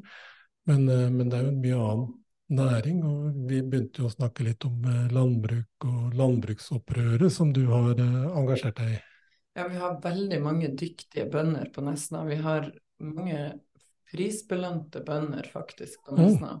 Så vi har år etter år så får Nesna-bøndene priser og utmerkelser. Eh, og jeg kjenner mange av dem, og de er nysgjerrig på MDG, og, og, og vi har mange spennende diskusjoner. Um, så vi har både vi har eh, grisebønder og sauebønder, og vi har egg, eh, eggpakkeri og eggbønder, og vi har vi har storfe, og vi har hatt Vi har en del økologiske gårdsbruk. Vi hadde vel jeg tror vi hadde tre, en tredjedel økologiske gårdsbruk i drift i Nesna kommune i en periode. Mm. Um, og ehm, Nei, det er en veldig spennende eh, plass, egentlig. Det er jo også hav, havnært det er kystkommune, så vi har tre øyer i kommunen. Og nå ser vi at det er flere og flere unge folk som kommer flyttende fra storbyene og kjøper seg et lite gårdsbruk på Nesna, på en av øyene. Mm. Starte opp småskaladyrking. Litt sånn her hipster, eh, hipsterbølge. Det er en veldig attraktiv plass for unge folk eh, som er i etableringsfasen. Det er veldig lettvint å bo på Nesna eh, med barn. Mm. Du trenger ikke bil, f.eks. Du kan gå eller sykle overalt, og du, du når alle tjenestene lett. Lege og post i butikk og ikke sant. Helt. Det er en lettvint plass å bo for småbarnsfamilier. Det er derfor det har vært så godt egna for studenter også, da. Og, og vi kaller oss jo Kvinneuniversitetet i Norden. Mm. Fordi at veldig mange enslige mødre har kunnet tatt en utdanning på nesten med bare ett og to og tre barn i bagasjen. Så eh, etterutdanning av kvinner har vært en viktig ting på Nesna. Ja, rett og slett profilert du på den måten. Ja, det er, det er en viktig ting. Altså. Det er, vi, vi bruker å si at på Helgeland så har vi ikke familietrær, vi har en busk. så, så det er jo noe med det. ok, Har du, har du fått et barn eller to, og så, skal, så vil du gjerne etterutdanne deg, så, og så bor du på Helgelandskysten, som er prega av 10 000 øyer. Mm. Logistikken, naturen, krever sitt. Eh, så du må på en måte mm, konsolidere dine krefter på et vis. Da er Nesna en fantastisk plass å ankre opp. Eh, få ungen i en, en av Norges beste barnehager med pedagoger i alle ledd, utdanna på Nesna. Og, og du kan trygt ta da lærerutdanning, masterutdanning, du kan utdanne deg til professor. Du kan utdanne deg fra barnehage til professor. Hele utdanningsforløpet har vi på den lille, i den lille kommunen vår. Vet du hva slags følelse jeg sitter med nå? Nei? Vi hadde en eh, Ørjan, Ørjan Jensen her i går, eh, ordfører i Vardø. Han snak, framsnakka kommunen sin så bra. Du burde bli ordfører, du. Du er jo et naturtalent. Ja, men vet du hva, vi har så bra ordfører på Nesna. Så selv om du syns jeg er en god kandidat, så er jeg veldig fornøyd med den ordføreren vi har. For hun har gjort en fantastisk jobb for Nesna. Mm. Og hun har stått stødig i det i den virkelige stormen vi har vært i. Og vi har altså redda bygda vår fra nedleggelse og fraflytting. Og nå har vi økt innbyggertall, vi har masse nyetableringer, og vi har um, kongelig resolusjon. Vi er beskytta av kongen i statsråd. Ja, og, og den dagen vi stengte riksveien i protest mot nedleggelsen av Nesna, den dagen beskrev Trine Skei Grande som at det var som å få et takras i hodet. Mm. Da satt hun bløtkaka i halsen, unnskyld meg. Da, da, da, da, da ble det da, da, da, da var, Når Nesna-folket satte seg på tverka, så, så hørtes det helt ned i regjeringskvartalet. Mm. Utdanna nordlendinger skal du ikke tulle med, altså. Vi, vi, vi har ordets makt i vår hånd. 100 år med utdanning på Helgelandskysten. Det kan du Mm. ikke kimse av. Jeg tror jeg hadde rett da jeg sa helt da vi starta, Jon, at vi skulle avslutte sendinga her med et veldig hyggelig besøk. Eh, spennende. Eh, Denne dama her har ordet i sin makt. Eh, her er det Jeg er bare fascinert, jeg. Men jeg hørte Jeg måtte ut en liten tur her. og- eh, Men eh, jeg hørte du sa kvinneuniversitet. Det er det også i min kommune, du. Ja. Berit Aas, har du hørt om Ja, ja, hun har vært på Nesna mange, mange Ja. ganger. Hun er Ja. veldig glad i Nesna. Ja, hun starta da i Løten, så starta hun kvinneuniversitet. Med, eh, altså, med samme målsettingene, men det var mer på ungdomsskolenivå og sånn, det var lavere. Men det var jo sånn Hun er, hun er en, en av Nesnas venner. Hun Mm. er absolutt med å, å beskytte og, og fremme Nesna. Mm. Ja. Mm. Og hun forstår det demogra demografiske utgangspunktet og har vært mange ganger der. Mm. Så hun er en flott dame. Sterk, tøff dame. Ja, det Ja. Ja, jeg skal være med på et arrangement. Det er nå med, også med Berit Aas. Det, det er flytta til Hamar og endra navn og sånn, det, det også, men eh, jeg skal være med og treffe Berit Aas nå om noen få uker. Mm. Mm. Ja, så vil jeg komme med en oppfordring til alle som har litt tid til overs. Tid til overs? Ja, tid og energi og sånn. Ja, Eh, det- det er jo en valuta man kan bruke. Eh, Jeg tenker på at eh, bøndene i Norge er jo i en skikkelig krise. Både økonomisk og politisk og på alle mulige måter. Eh, og jeg tenker at hvis man har litt tid til overs, hvorfor ikke eh, sjekke hvor nærmeste gårdsbruk er, og se om det er noen bønder som trenger eh, ei ekstra hånd hjelp til. Eh, jeg er sikker på at eh, man kan inngå gode avtaler om eh, å gi av sin tid og arbeidslyst, og kanskje bli kompensert eh, på eh, høvelig vis. Trenger ikke å være kroner og øre. Kanskje man kan gå utenom Matrix Mm. og se om bonden trenger hjelp til maling av fjøs, raking, eh, barnepass, hva det enn skulle være. Kanskje man kan bli kompensert i mat. For det driver bøndene og lager hele tiden. Hva sa du? Ja, for mat driver de og lager hele tiden. Mat driver de og lager hele tida, så hvorfor gå til Rema 1000 når du kan gå rett til bonden? Mm. Jeg er ikke helt sikker på at alle skattemyndighetene ville like dette her, men pytt sann. Ja, nei, jeg, de må bare komme etter meg. De vet hvor jeg bor. Så Ja. jeg, jeg betaler skatten min Ja. etterrettelig. Mm. Etter loven. Det er lov å hjelpe til. Ja. Nei, men eh, jeg hørte du sa det her eh, utenfor i stad, at eh, nei, jeg er ikke bonde, jeg er avløser, og du, du er egentlig stolt av det òg. Ja, jeg, er- jeg mener bonde, det er en beskytta tittel. Mm. Eh, Så jeg, jeg vil ikke omtale meg som bonde. Jeg er en, en avløser. Ja. Når det trengs. Mm. Ja.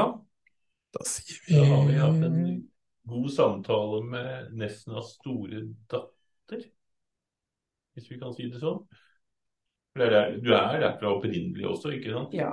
Ja. Men på Helgeland, vet du, så er det litt hvor stormen tar deg. Du kommer litt fra hele Helgeland, da. Ja. Så alle kommer litt fra overalt. På en måte. Det er jo sjøfolk. Så det er hvilken øy du flyter i land på. Det er litt tilfeldig. Ja. Og det er litt spanjoler og sånn. Ja, det er litt sånn blanding. Ja. Mm.